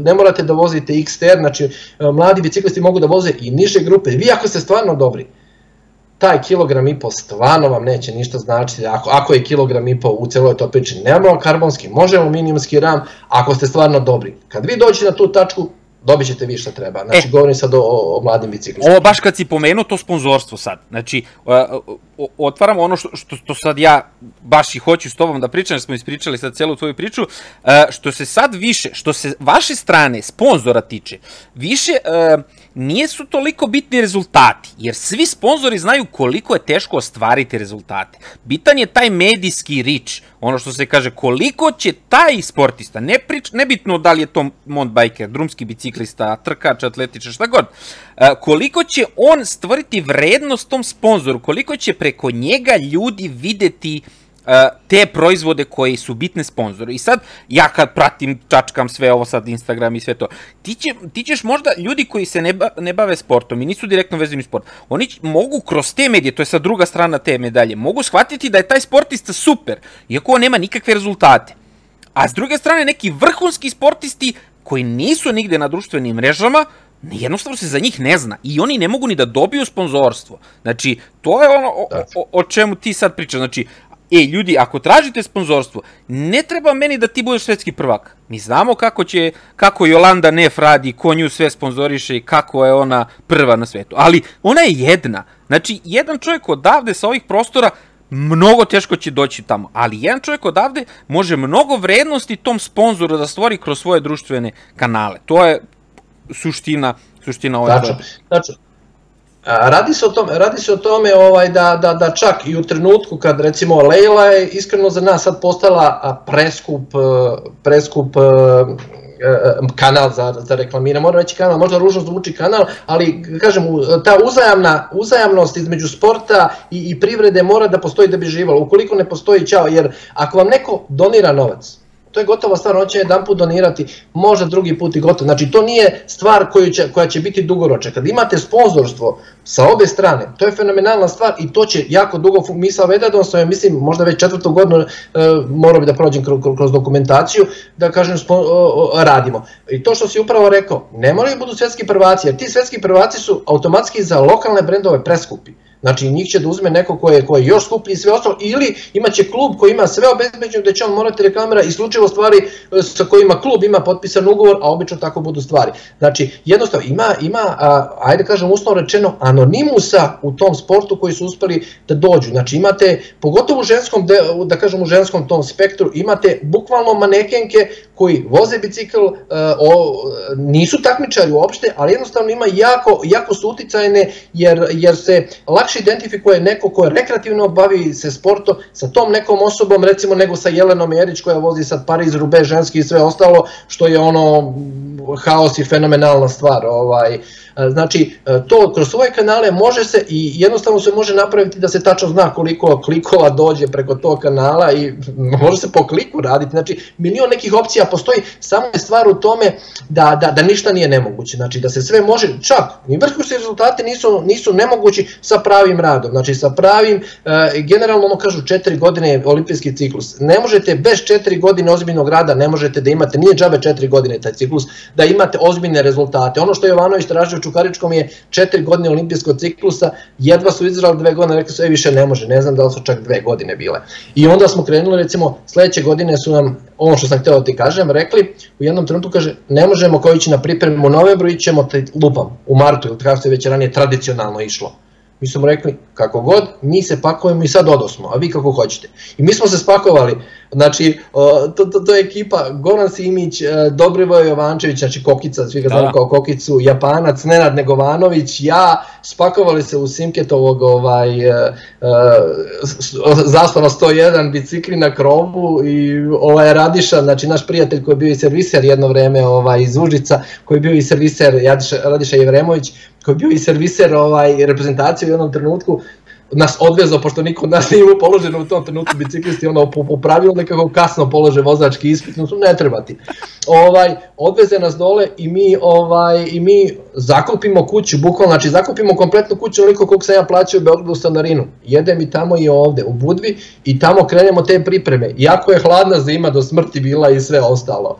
Ovaj, ono što mogu pohvaliti ću Karići s druge strane da smo mi možda prva jedina ekipa koja otišla na Palma de Majorku na pripreme gde sretnemo u istom hotelu, budemo gde je Erik Zabel i ostale stvari u tom trenutku. Ovaj, najhladnija zima ikad na Palma de Majorci, uboli smo lošu stvar, ali recimo tamo bio jeftiniji smeštaj, ja mislim da je bilo 30 i nešto maraka po osobi, švedski 100, ovaj, doručak, ručak, večera. Je bi jeftinije nego to, to, to niste mogli da nađete. U, u hotelu Sidro, znate, u, u baru. upravo tako, upravo tako. Znači Palma de Mallorca gde imate kompresor dole, znači za bicikliste napad, imate kompresor, imate prostoriju gde možete okačiti bicikla, imate mesto gde možete oprati bicikl sa rešetkama da ne prskate svuda i jednom nedeljno vam daju auto ako vam treba trening brzine. Fenomenalna stvar bila, tu je da kažem Neša Popov napravio fenomenalnu stvar, ovaj što je po, oni generalno uvek pokušavao da taj da to izgleda fino, da to izgleda kako treba. Na kraju krajeva on izgleda tada shvatio da je sponzorima bitno kako to izgleda.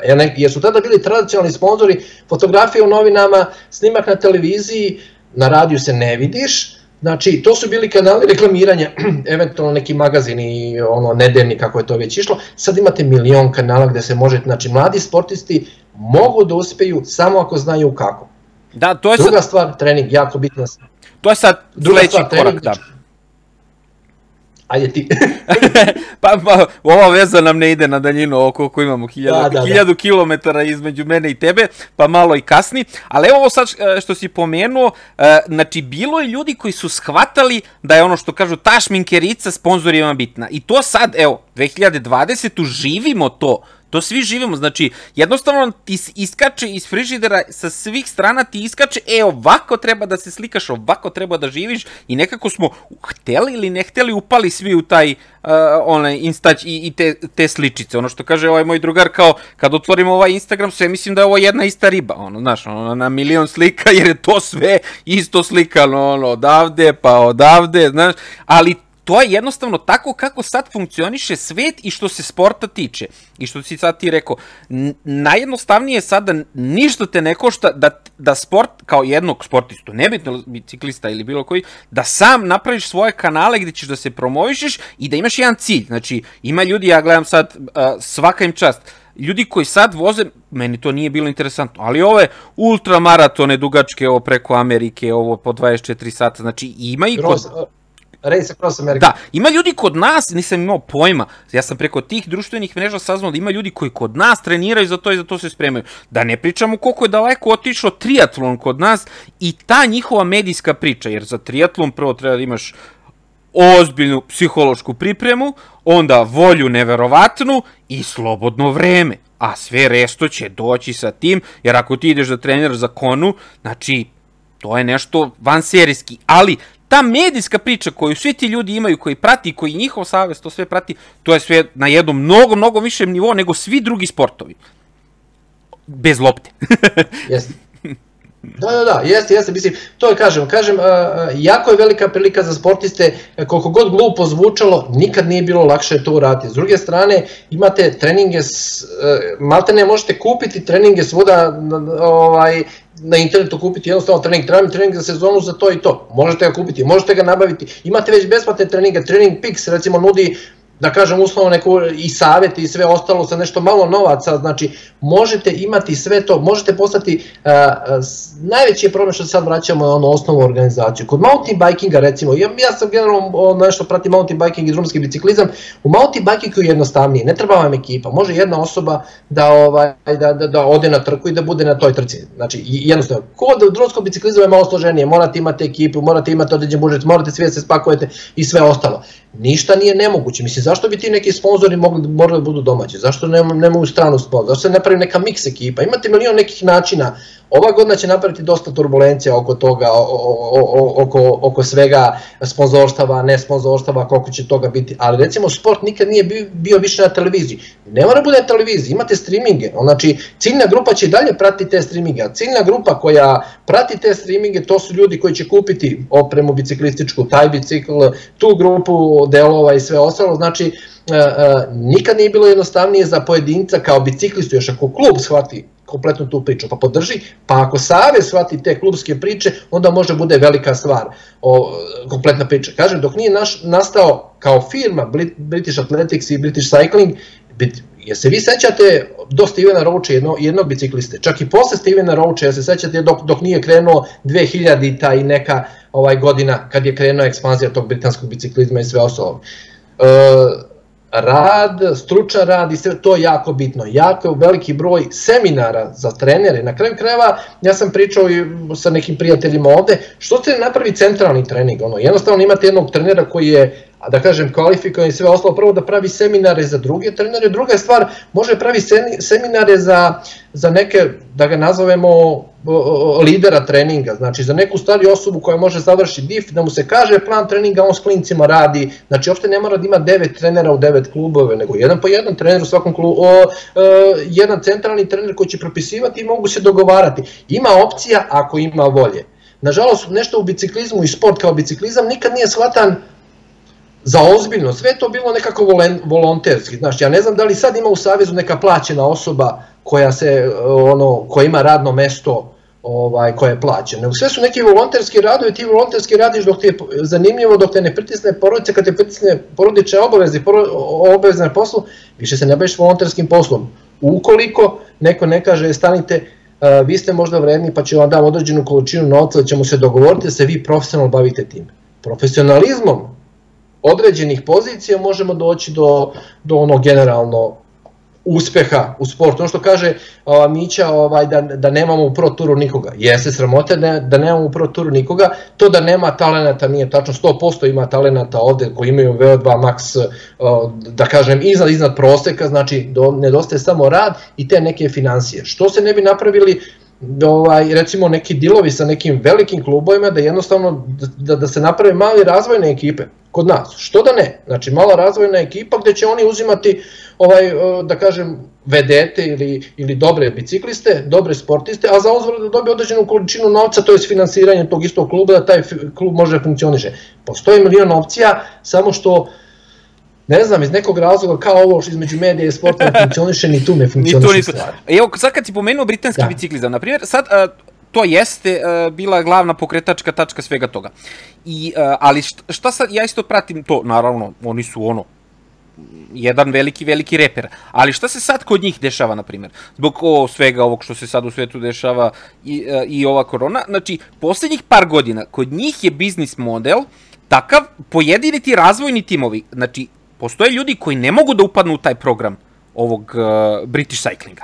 Ali pojedini razvojni timovi, na primjer, to je bio dečko ovaj Knox, James Knox, ja mislim da je on tako prošao kroz, uh, koji je sad u Quick Step timu, da je, uh, ima timova gde vode ljudi iz Italije koji vole to srcem, u Britaniji, gde uh, biznis model je takav da roditelji plaćaju sve i oni imaju program, imaju trenera, što kažeš ti, i ovo vi plaćate, mi, nema nerealnih očekivanja.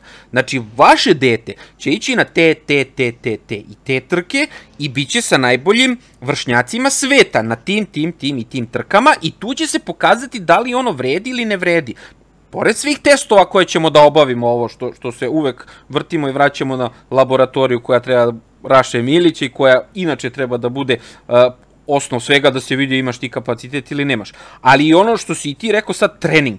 Trening je sad dostupniji nego ikad. Ja i sad da krenemo i ti si sad počeo time ponovo da se baviš, jer te to zanima, kažeš, čitaš ono. I pokrenuo da. si... E, pa radi se, e, kako ono počinju stvari, znaš, ono, imaš milion pitanja od raznoraznih ljudi. Između ostalog, ja radim komunikaciju sa našim kupcima, klijentima i sve ostalo koja se tiče Woolbikesa, to je Capriola. I um, odgovaram na hrpu pitanja iznova, znači iznova krećem da odgovaram, da, ali to vam je bolje da uradite ovako. I onda sam shvatio jednom trenutku zašto ne bih, znači kompletne te, sve to što ja pričam sa raznoraznim ljudima što ovako u normalnoj konverzaciji, zašto ne bih spakovao u, u, u seriju nekih blogova, znači bukvalno kako trenirati, kako napraviti trening? I onda mi je palo na pamet što sam i uradio od skora, nije to još krenulo, to još u nekoj blagoj hibernaciji sada, pošto je krenuo sam pišem te tekstove, morate imate hrpu tekstova da bi neko krenuo da vas čita, ovaj, i onda sam krenuo od osnove. Kako funkcioniše organizam?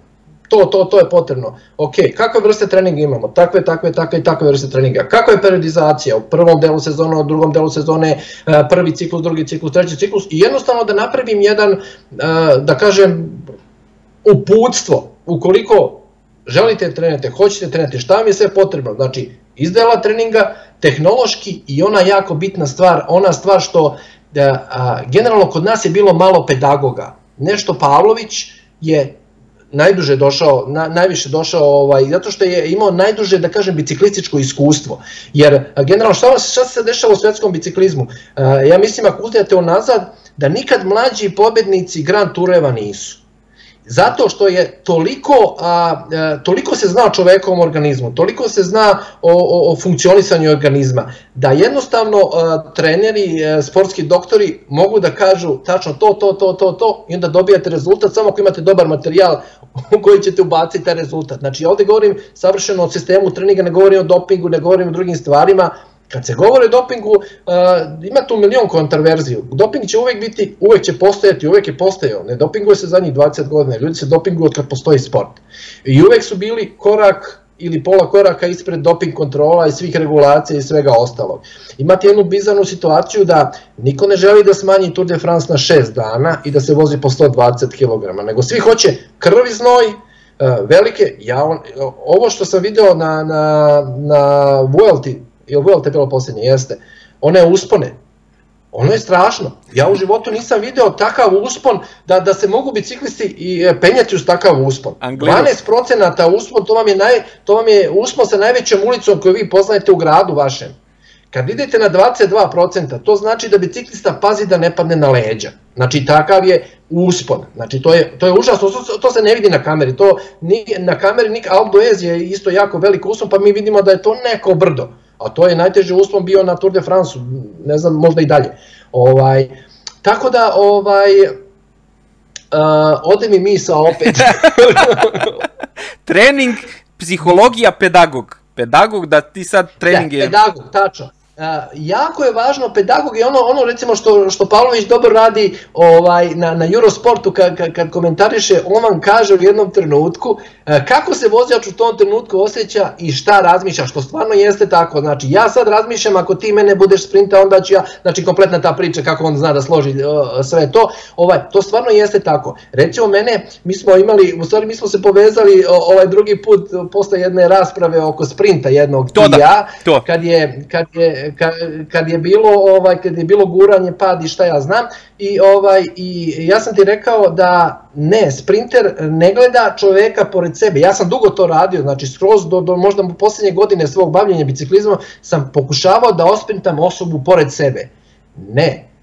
Sprinta se linija cilja znači vi otvarate se gledate gledate kad je vaša distanca, znači distanca za koju ste vi sigurno, to dobar biciklista uvek može da proceni da možete postići maksimalnu brzinu u tom, u tom periodu, znači u toj distanci, onda vi sprintate, vas ne interesuje ništa oko vas, ni ko je levo, ni ko je desno, ni ko menja putanju i kako menja. Nezgoda je da vam se to desi baš kako vama odgovara. Nezgoda je nekad kad imate veliku grupu, otvori se, vi ostanete na 100 metara ranije i kasnije vas grupa guta. Nezgoda je nekad da ne možete da se izgurate, da je krenula vaša distanca, a vi ne možete da izađete jer je ispred vas neko spori.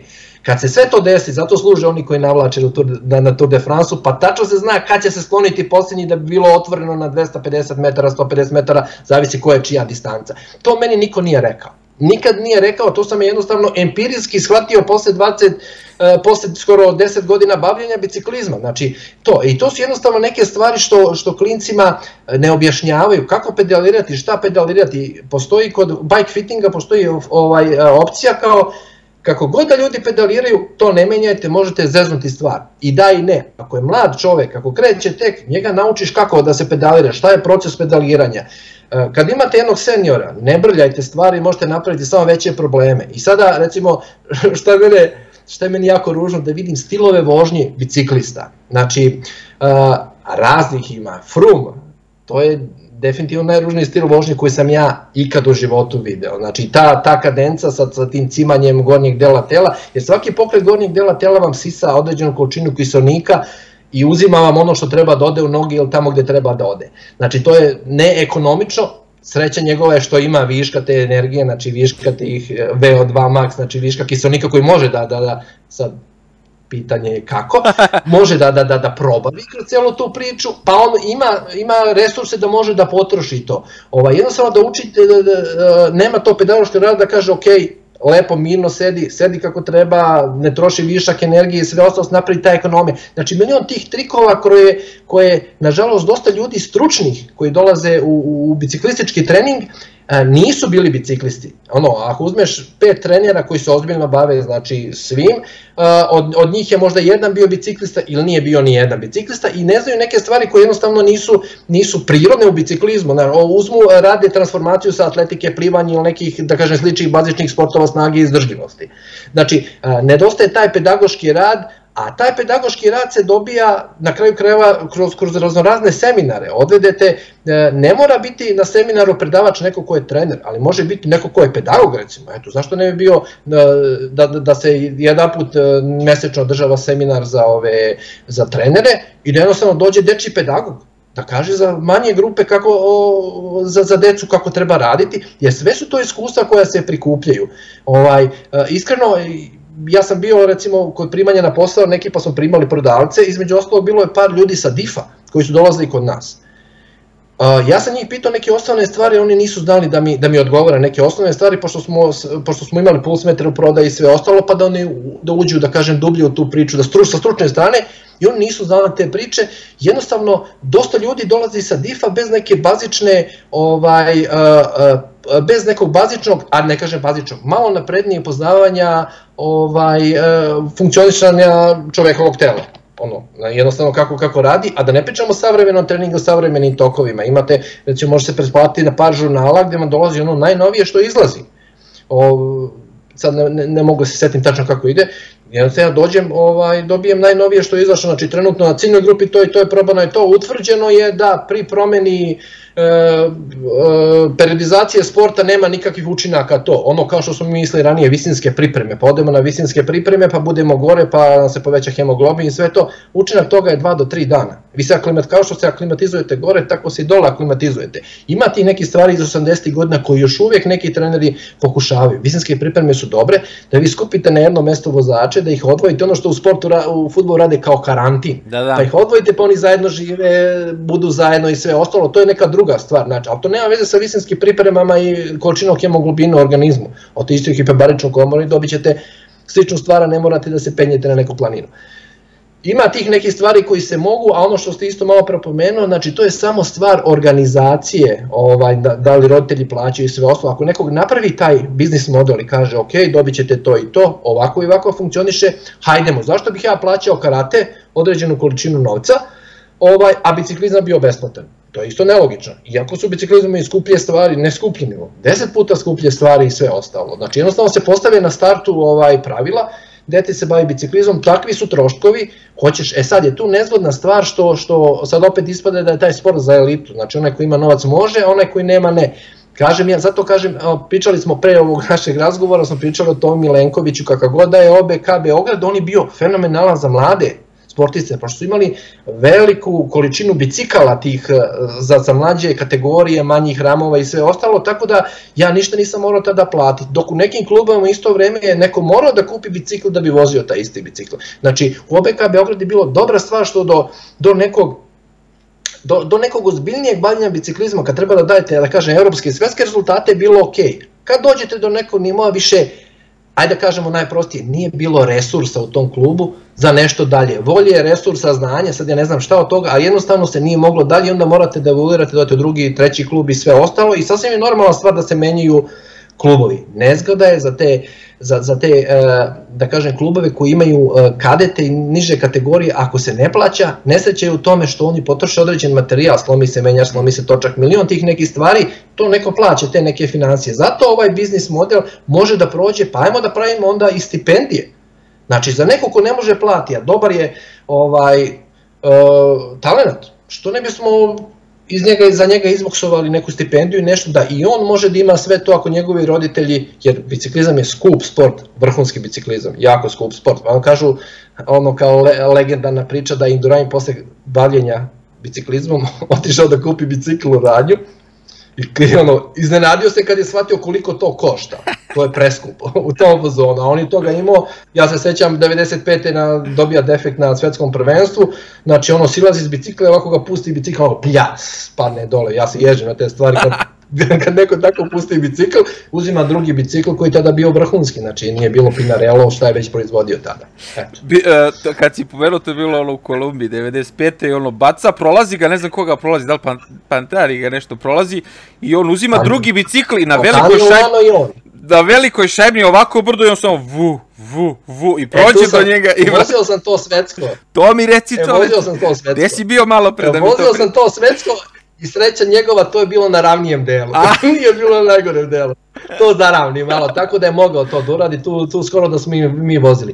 Jeste to jeste jedno, još jedno moje, mislim još jedno, sad ispada sam totalno razočan, nisam, biciklizam je super sport, super sam se proveo, posetio sam e, Kolumbiju, Venecuelu, Egipat, znači mesta koje nikad ne bih otišao, eto, posle toga više nigde nisam otišao u inostranstvo ozbiljnije, tako kao tada. Ovaj, posetio sam e, super nekih ovaj mesta zahvaljujući biciklizmu, ne sećaju biciklizmu što se, što se e, em ste umorni stalno između etapa i što se stalno selite, selite, nemate vremena. Recimo, jedna sreća je, u Moskvi smo vozili, ono, mislim se zove Moskovsko koljco, neka trka koja se vozi oko šireg centra Moskve, to je baš bilo 95. tada je bilo 50 godišnjica pobede nad fašizmom i oni su bili centrali, bilo je svečano šta ja znam sve Imali smo jedan dan, let nam je bio sledeći dan, imali smo jedan dan slobodan. To je recimo najveći period koji smo imali da možemo lutati gradom. Jedan dan. Posle toga Da, jedan dan kompletan. I posle toga je bila kiša, dobili smo upalo pluća, ja sam dobio upalo pluća, zato što sam i sve ostalo, ali nebitna ta priča.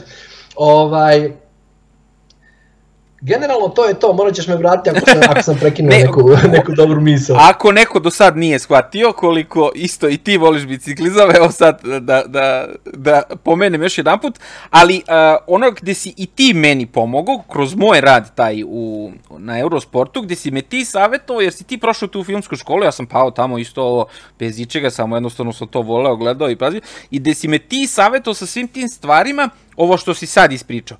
Kako se obraćati publici? Šta, šta biti, kako pedagoški objasniti nekome ko gleda taj sport, šta se tu u stvari dešava? Jer to nije ono, to tad je bilo, ljudi vrte pedale, ono što ništa se tu ne dešava. I onda si bukvalno ti meni davao kroz mojih ovih, kako se kaže, koliko sam radio, ne znam sad nija 10-11 godina na Eurosportu, si mi ti davao savete, e, ovako treba, ovo uradi, ovo ovo ispričaj. I to je sad ta terminologija, pedagogija, gledaoci to gledaju, oni to neće nikad voziti, niko neće se... Na, ti si tu meni mnogo pomogu u celoj toj priči, ali evo, ono gde smo došli se dotakli, to do tog da, evo, ja kroz tih koliko godina nisam ni ja znao da sprinter sprinter svoju distancu, jer Nisi imao pojma, niko mi to nije rekao, a ni tebi nije rekao, ti si to sam provalio. a znaš kako? Znaš kako? E sad imaš, imaš više stvari tu, ovaj, možda ne smetaju svi, ja ti ne mogu to 100% garantovati. Možda sad, ako neki sprinter to čuje, on kaže, pa da, jeste to, To, da, ja smetam svoju distancu, ali da nikad nije razmišljao o tome. Da. Razumeš? Uh, dešava se, e, vraćaju se samo ovaj, sad će neko ko je ovaj, ko, ko možda ovo gleda pa ko zna kako sam ja vozio neki, ne, neki saborac, da kažem, u celoj toj priči, će shvatiti kao ne, niste bio, ja nikad nisam bio neki sprinter, jer da sprintaš veliku grupu, tu treba da imaš... Tu treba mnogo faktora se poklopi. Da, znači, pored fizičkih, pored fizičkih i fizioloških stvari, znači moraš da imaš jako mnogo petlje, ovaj da da se ti provučeš kroz iglene uši, da se izguraš s nekim da jer jer nekad vidite na Eurosportu sa one male kamere ovaj ispod ispod lule kako to izgleda. To to je ludilo u zadnjih recimo kilometar kad počne kad počne da vas guta grupa ili kad kad kad počnu da da da krljaju u stvari, kad čujete nazad nešto pukne i čujete drljanje po asfaltu, znači da se neko prosuje da je pao, ko zna šta se desilo.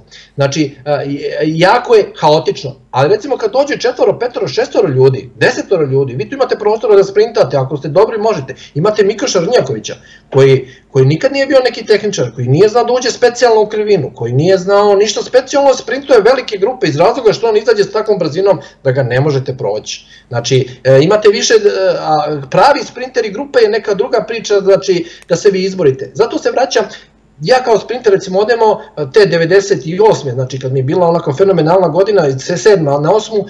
Ovaj, ja recimo u tom odem na E, putem kralja Nikole je trka bila gde ja osprintam sve prolazne ciljeve, znači Slovenci ovaj, e, navlače, znači na prolaznom cilju su ono gore dole, gore dole, ja osprintam sve prolazne ciljeve bez ikakvih problema i uh, Ukrajinci pokušavaju da me izbacu u jednoj krivini, sećam se kod Nikšića dugačka desna krivina i namjerno jedna Ukrajina i cilje sa leve strane da imam što duži put za sprint Ja ga obiđem sa spoljne strane i osprintam ih. Znači, toliko, kad, kad imate, druga stvar je jako bitno samopouzdanje. Nekad kad imate veliko samopouzdanje, možda niste fizički pripremljeni, svašta može da se desi. Znači, jednostavno, ja vam garantujem da, da, da, da, da bar trećina pobeda Biciklističkih pobeda su u, u velikom samopouzdanju, a ne u tome ja jesam, ono, ja jesam fizički jak do 60 milion puta da najjači čovjek, to jest u biciklizmu jako često se desi da ne pobedi najbolji, znači milion taktičkih varijanti i vraćamo se na ono što odakle smo počeli ovaj malo pre ono što si ti rekao, znači da jednostavno ovaj uh, ono što vi vidite na na na džiru, na turu, znači gledate trku, ono ono dosadno vrtenje pedale, egzekucija svega onoga što se uh, taktički i sve kao Formula 1. Vi u Formuli 1 ako ako gledate samo trku vama ništa nije jasno. Ako znate šta se dešava u backgroundu, ko šta, kako vozi, kakvi su motori, ko šta radi, i sa stvari ovde, ko šta, kako vozi, ko je lider, ko nije lider, ko za koga radi, zašto ova budala ide danas 7 minuta napred, kad sutra neće moći da obrne pedale, sve to ima svoju priču. Znači kad znate kompletnu tu priču, e onda počinje da se odmotava. Ja znam, pre mnogo godina sam ovaj, sa, sa nekim ljudima pričao, kad govorim, daj, biciklizam, ovo. Ja sad shvatim, prvoga, prvo na stravi vidim da lik vozi bicikl, ovaj, sretnem ga skoro, čovek, čovek je gledao ovaj, kompletan program Grand Tura posljednje dve, tri godine, zna sve, zna bolje od mene sve, ono, prati, prati ljude, prati sve. Znači, uh, da se to eksponencijalno se širi, taj sport i sve ostalo. Primio Vraćamo se. nazad, ovaj, moje mišljenje je generalno da, da, da u našem okruženju postoji jako mnogo talenata, to, to pokazuju ovi talenti koji već, koji već voze po Evropi, a jednostavno prvo rano odustaju, jako rano, recimo uh, najveći broj odustajanja ja sad ovaj uh, je prva godina seniora, kad vi treba da odlučite šta će sa životom, znači završili ste, juniori ste, završavate tu kompletnu priču, krećete u seniore, sad da li ćete studirati, ili ćete se baviti biciklizmom, tu odlučujete i ako je tu klub loš, ako nije klub, ovaj, ako vas ne podržava kako treba, ili reprezentacija ili klub, vi se tu izgubite, pogotovo ako ste fenomenalan junior, ja sećam Gajčića u jednom periodu, on, recimo, kad je prešao u seniore, je, e, sad, kako god on to bude shvatio, ako bude gledao, on je bio toliko demoralisan da je u jednom trenutku ovaj, pokušao da, mislim da je čak bio ono, u glavi, napustio biciklizam, iz razloga što je bio junior koji je sve pobedio, sve što se moglo pobediti, i imao je taj sindrom pobednika. I onda dolaziš u seniore gde si, prva godina seniora si, koliko god da si dobar, si neki prosek, ukoliko nisi onaj mali belgijanac od iz prethodne priče, ovaj, to, to su neke ekstra priče.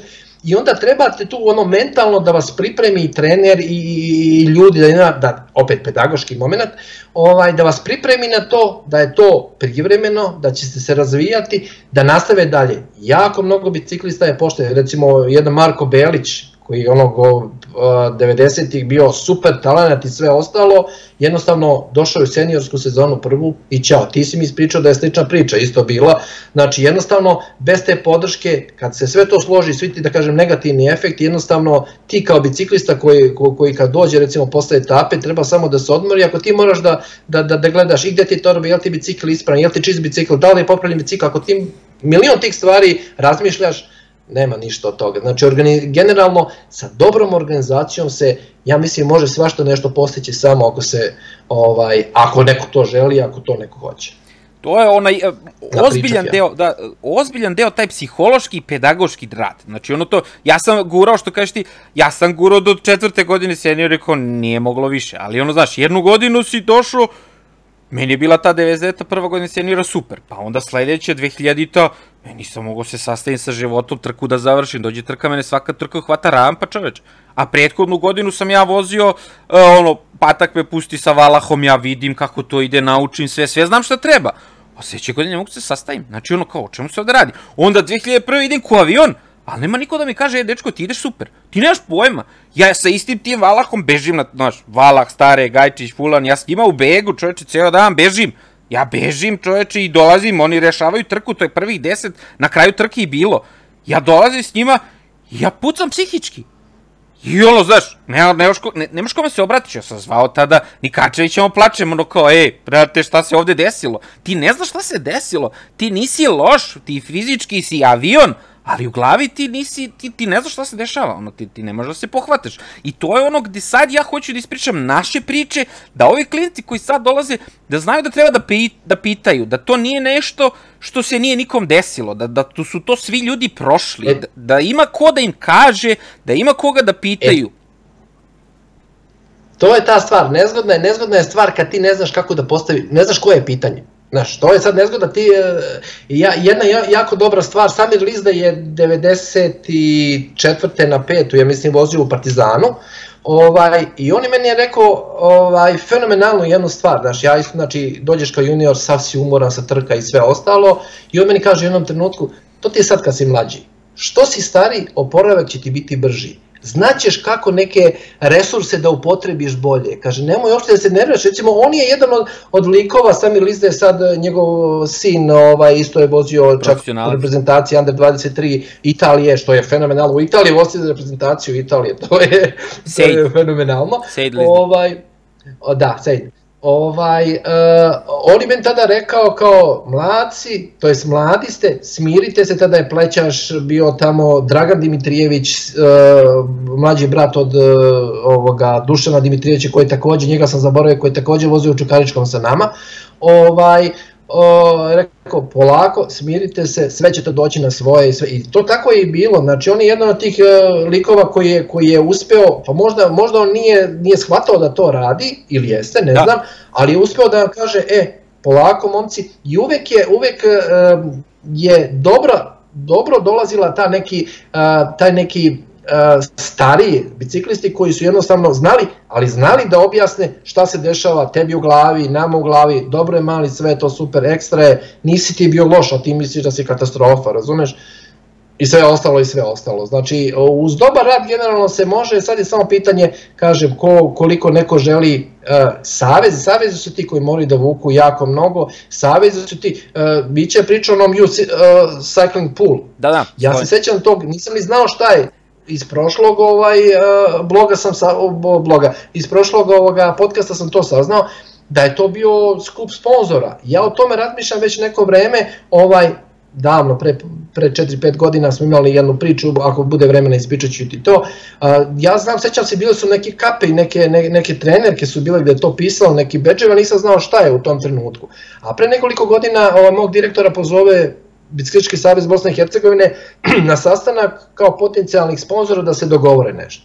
I ja tada malte ne napravim manifest na par listova kako bi trebao da funkcioniše savez, jer ako si sponsor onda možda možeš da utičeš na neke stvari. Imaš Da bi bilo interes. super da Imaš trenutku- interes ti... Da, a, da. I da bi bilo super da funkcioniše, da, da, da, da utičeš na neke stvari i jednostavno sam na ovaj a, tipa šta mislite kako bi bilo super da recimo postoji da ne, klubovi kao sami, znači mi se ovo što pričamo marketing ovo ono, ovaj, ne mogu oni, ne može svaki klub da ima svog marketing menadžera. Bar ne dobrog marketing menadžera, to je mnogo marketing menadžera koje neko mora da plati na kraju krajeva ili moraju da rade pro bono iz nekih drugih razloga. Ovaj, uh, imaš tu stvar gde možeš da imaš recimo, zamisli da Savez napravi taj pool sponzora, tako sam ga ja nazvao, onda je Mića rekao to, rekao to je to. Ovaj, pool sponzora da ti jednostavno skupljaš sponzore, pa ekipi, lupa sad govorim za Bosnu i Hercegovinu, iz ekipi iz Zenice, da recimo da nosi na dresovima logo taj i taj, ekipe iz Bihaća da da nosi taj i taj, iz Banja Luke da taj i taj, a sve Savez radi, prikuplja novac i radi na kompletnom marketingu svih tih ljudi. Na kraju krajeva mogu četvorica da nose jedan logo, pet i taj najbolji da nosi drugi logo kao premium neki. Znači da se napravi taj pool i da Savezi ne dolaze pojedinačno kod sponzora, nego da dođe da, Klubovi. klubovi, nego da dođe savez, znači jedna, jedna osoba, jedna, je- jedna organizacija da kaže, e, vi možete imati ovoliku gledanost, znači svi ti klubovi, svi mediji, svi, sve što postoji, radite sa nama. A ovako, ako svaki klub dođe kod Telekom, su super, pošto posluju pozitivno i imaju budžete, dođe jedan kod Telekoma, pa dođe drugi kod Telekoma, pa dođe treći kod Telekoma. Šta se desilo pre nekoliko godina? Pre mnogo godina smo mi napravili ovde klub u Banja Luci bili i otišli smo preko veze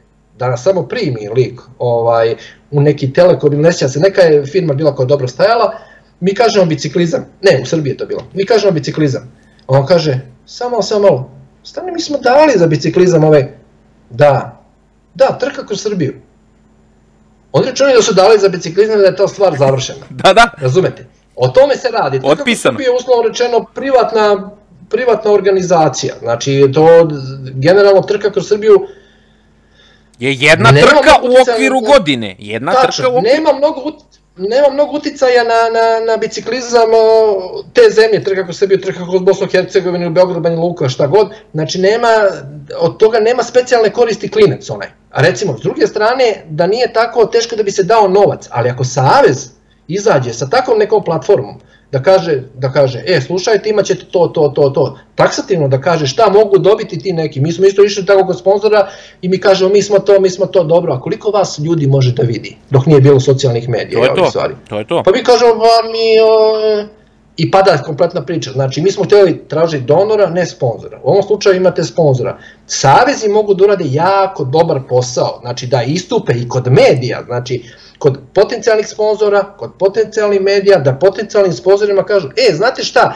vi možete imati na toj i toj televiziji, još uvek imate ljude koji su ovaj tradicionalno pa žele da bude u televiziji u novinama, i na tim i tim streaming servisima sve to može da se vidi ko je prati, pa kažete tačan broj ljudi ili okviran broj ljudi, e, to je već za jednog marketing menadžera ono kao informacija, ha, to može se isplati našoj firmi, meni lično, zato što sam ja doprinao toj firmi pa će neko da me gleda kao, kao boljeg menadžera, znači i ta kompletno, to može funkcioniše sigurno, ne moraju budu ni domaći sponzori, mogu da budu strani sponzori, što da ne, Da, da, mi smo ali sad- kažem ti jedno, mi smo sad, e, ti baš što si pomenuo, stranim sponzorima, smo mi jedno tržište. Oni nas posmatraju kao jedno tržište. Ono, bukvalno, Hrvatska, Srbija, Bosna, Crna Gora, Makedonija i Albanija je tu. Mi smo jedno tržište. Slovenci su svet. da. Mi smo svi u jednoj korpi tu. I, I ovo što ti kažeš sad, savezi, ja mislim, a, ispravit ćeš me, možda ti bolje znaš, ali moj podatak je da u Bosni i Hercegovini postoji 35 biciklističkih klubova. Sad, ne znam, ti bolje barataš sa tim. Sad, to, li, to su moja saznanja, ali to, sad, samo, e, s- e, nije ni bitno koliko ima, ali samo se poveže taj broj sa ovim što ti pričaš. Znači, kako će 35 klubova da, da, da radi svako na svoju stranu, da, da, da bilo šta, da sprovede kadeta, da mu da opremu, da, da, da ima bicikl. Znači, to su jako teške stvari, bilo gde, nebitno jer to Slovenija, znači i, i taj Roglić je jedva došlo u, u, u tu Adriju zato što kao imalo, ej, dolazi mi pet klijaca, ja nemam za Roglića bicikl, u Sloveniji. To je bila priča, ono, sad, taj, e, ti ljudi tamo su rekli, ne možemo da uzmemo Roglića, jeste on talenat, ali ja, meni dolazi pet klinaca koji ja po, po, po logici stvari treba da opremim. Znači, on može da vozi ako kupi sam bicikl. Tako je bilo. Znači, o jednoj Sloveniji koja je prva i druga na svetu sada, koja je ono top, top svetski, da kažemo. A gdje smo mi sad u odnosu na njih, to smo već i pričali. Ali to je ona priča koju ti kažeš, ej, treba svi, svi da imamo zajednički interes o sportu. Jedna trka je jedna trka. Ovo što kažeš, taj jedan klinac od te jedne trke, ništa neće da ima koristi. I, da, da, da, to je to. Reci, E, što se tiče Saveza, evo kad se već u BiH ovaj, govorimo o tome, a, nažalost možda ima na papiru 30, a ima nekih možda pet klubova koji egzistiraju, koji stvarno imaju bicikle i bicikliste i sve ostalo. Imate dosta rekreativnih klubova i svega ostalog, na papiru ima toliko, ali takmičarskih ima jako malo u ovom segmentu o kojima mi govorimo. Ovaj, a, sad ono, o- obrćemo ovaj, u krug o, ploču, ali stvarno znači samo ozbiljnim radom, kad neko, e, ja sam prisustovao jednoj pre 4-5, možda i više godina, a, godišnjoj skupštini Bicikliškog saveza Bosne i Hercegovine, gde predsednik skupštine kaže ova godina nije bila dobra, nismo otišli na tu i tu, tu trku, nismo to i to, nismo to i to, nije bilo para za to, da ne navodim sad šta, ovaj, i ja sad očekujem da će čovjek da kaže ja zbog toga dajem ostavku, i mislim da će neko bolji raditi o tome, na, na tome i ovaj i u jednom trenutku on nastavlja rečenicu i kaže ali valjda će biti druge godine bolje. Eto, vidimo se sledeće godine. Ja ono, a pre toga je bilo glasanje, a pre toga je bilo glasanje o, o, o, ovaj, o tome, ovaj, um, o tom godišnjem izveštaju, gde, gde su ga svi prihvatili. Iako je bio loš, loš, loš, loš, loš, loš, i onda jedan od njih koji se drznuo od likova koji su razmišljali, kažu stani, stani, mi smo se složili da je u redu, da je ovo sve što loše, ostane loše. I svi kao, da, ha, ha, ha. I tako se završila to priča. To, da. Znači, Znači, znači jednostavno stvari u tome što što izgleda da ljudi u savezima ili bar u savez, sad ja ne, nisam u svim savez, nisam odlazio u svim savez već godinama, nisam tamo, ali vidim rezultate. Jednostavno shvataju to kao staviti svoj neki dopunski možda rad, dopunski posao, ako ide, ide, ako ne ide, ma, vidimo se sledeće godine. A, imaju ljudi koji su svoj život posvećuju toj, toj kompletnoj priči, ja od, na početku smo pričali koliko sam je bio ljut, e, posle moga napuštanja sporta sa 25 godina, znači koliko ima Roglić sada godina, podsjeti, 30, 32, je li tako? 30, ja mislim. 30 godina, znači, znači ja napuštam u svojoj 25. godini, ne daleko od toga da ja mislim da sam neki talent bio kao Roglić, ali u 25. godini, a između 25 i 30 neke generalno počinjete da dajete rezultate. Do tada, do tada shvaćam tek da u zadnjoj sezoni, da kako se sprinta, da ne pričam o ostalim nekim stvarima koje možda još nisam shvatio. Razumete, koje sam možda tek kasnije pročitao kroz neko kao, a vidi ovo, da, da, da, da. nisam znao. I tako.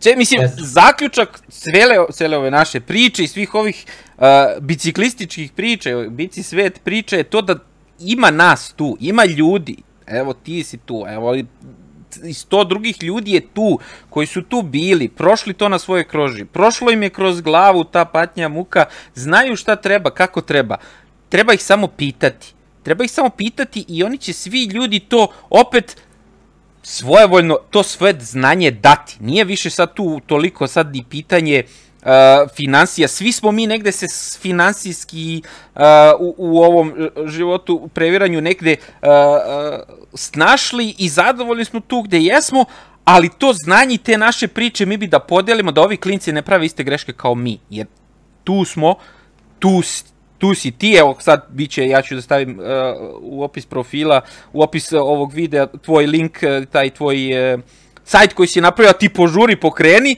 ali i tvoja isto priča, ono što si rekao, vrti mi, milion ljudi me pita jedno te isto svaki dan. I je kao, daj da to, to sastavim, tako je i moj sajt nastao, Bici svet sajt, kad sam radio, a evo sad taj Bici svet je posle 10 godina postojanja izašao u ove priče naše koje smo mi tu da ispričamo, jer su dostupni sada ovi kanali koje smo i malo prepričali, da podelimo sa ljudima naše znanje, naše viđenje stvari i da kažemo, ej, klinci, prošli smo mi to, probajte ovako. Nismo možda mi stručni, ali ima ovaj čika, ima onaj čika, oni znaju.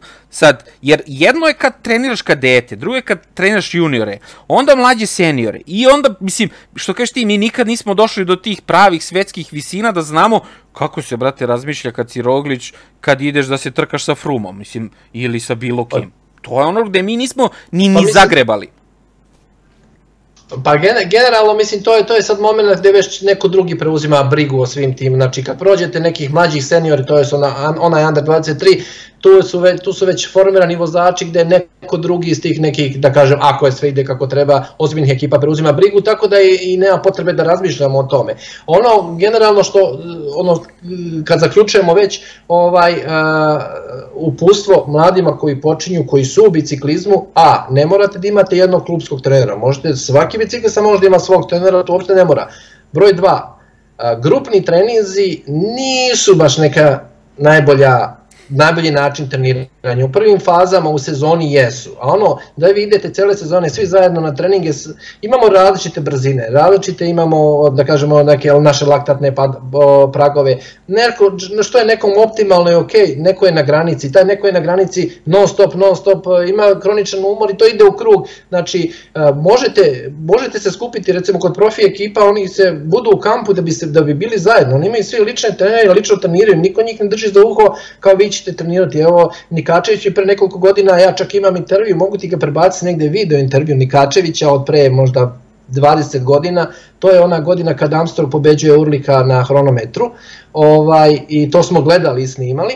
Ovaj, a, Nikačević kaže, kaže, kad dođete u Italiju dobijete ovako jednu listu, koja se zove lista prepara, preparatoris ili preparatori, ne znam kako se izgovara na italijanskom, gde su vam treneri, to je uh, treneri uh, to su ujedno i doktori sportske medicine, pretpostavljam, gde su vam najskuplije, vam koštaju ovoliko, pa se vi nađete otprilike ko koga ćete da idete, onaj skuplji je skup, ovaj jeftin je jeftin, šta ja znam, manje vredan ili vredan, ili je neko tek u uzlasku pa ima nižu cenu, jednostavno imate listu koliko košta taj trening, ne morate se vezati za klubskog trenera, kupite znanje svuda, znači znanje se može pokupiti sa svih mogućih strani, pogotovo sad, otkucajte biciklistički trening, izaće vam 10 opcija. Znači, ali samo pametno, znači glavni problem, ja garantujem da su svi biciklisti 90. godina u Srbiji bili u over treningu pretrenirani i umorni, to je jedan razlog od čega nije bilo još boljih rezultata i u svakom slučaju Nikačević je rezultat na svetskom prvenstvu u hronometu, njega ne, ono kao izdvajamo posebno Gajičić od koga su 90 i sad ne znam, 97. ja mislim kad je Baso pobedio svetsko prvenstvo od 23, kad su ga pitali pre toga u nekom intervju kao ko bi, ko je, ovaj, od koga se najviše plašite, on je rekli Gajičića ima Bici Sport iz te godine gde Gajčić na osobnoj strani Bici Sport koji je ono ovaj, italijanski časopis o biciklizmu, znači vrhunski i sve ostalo.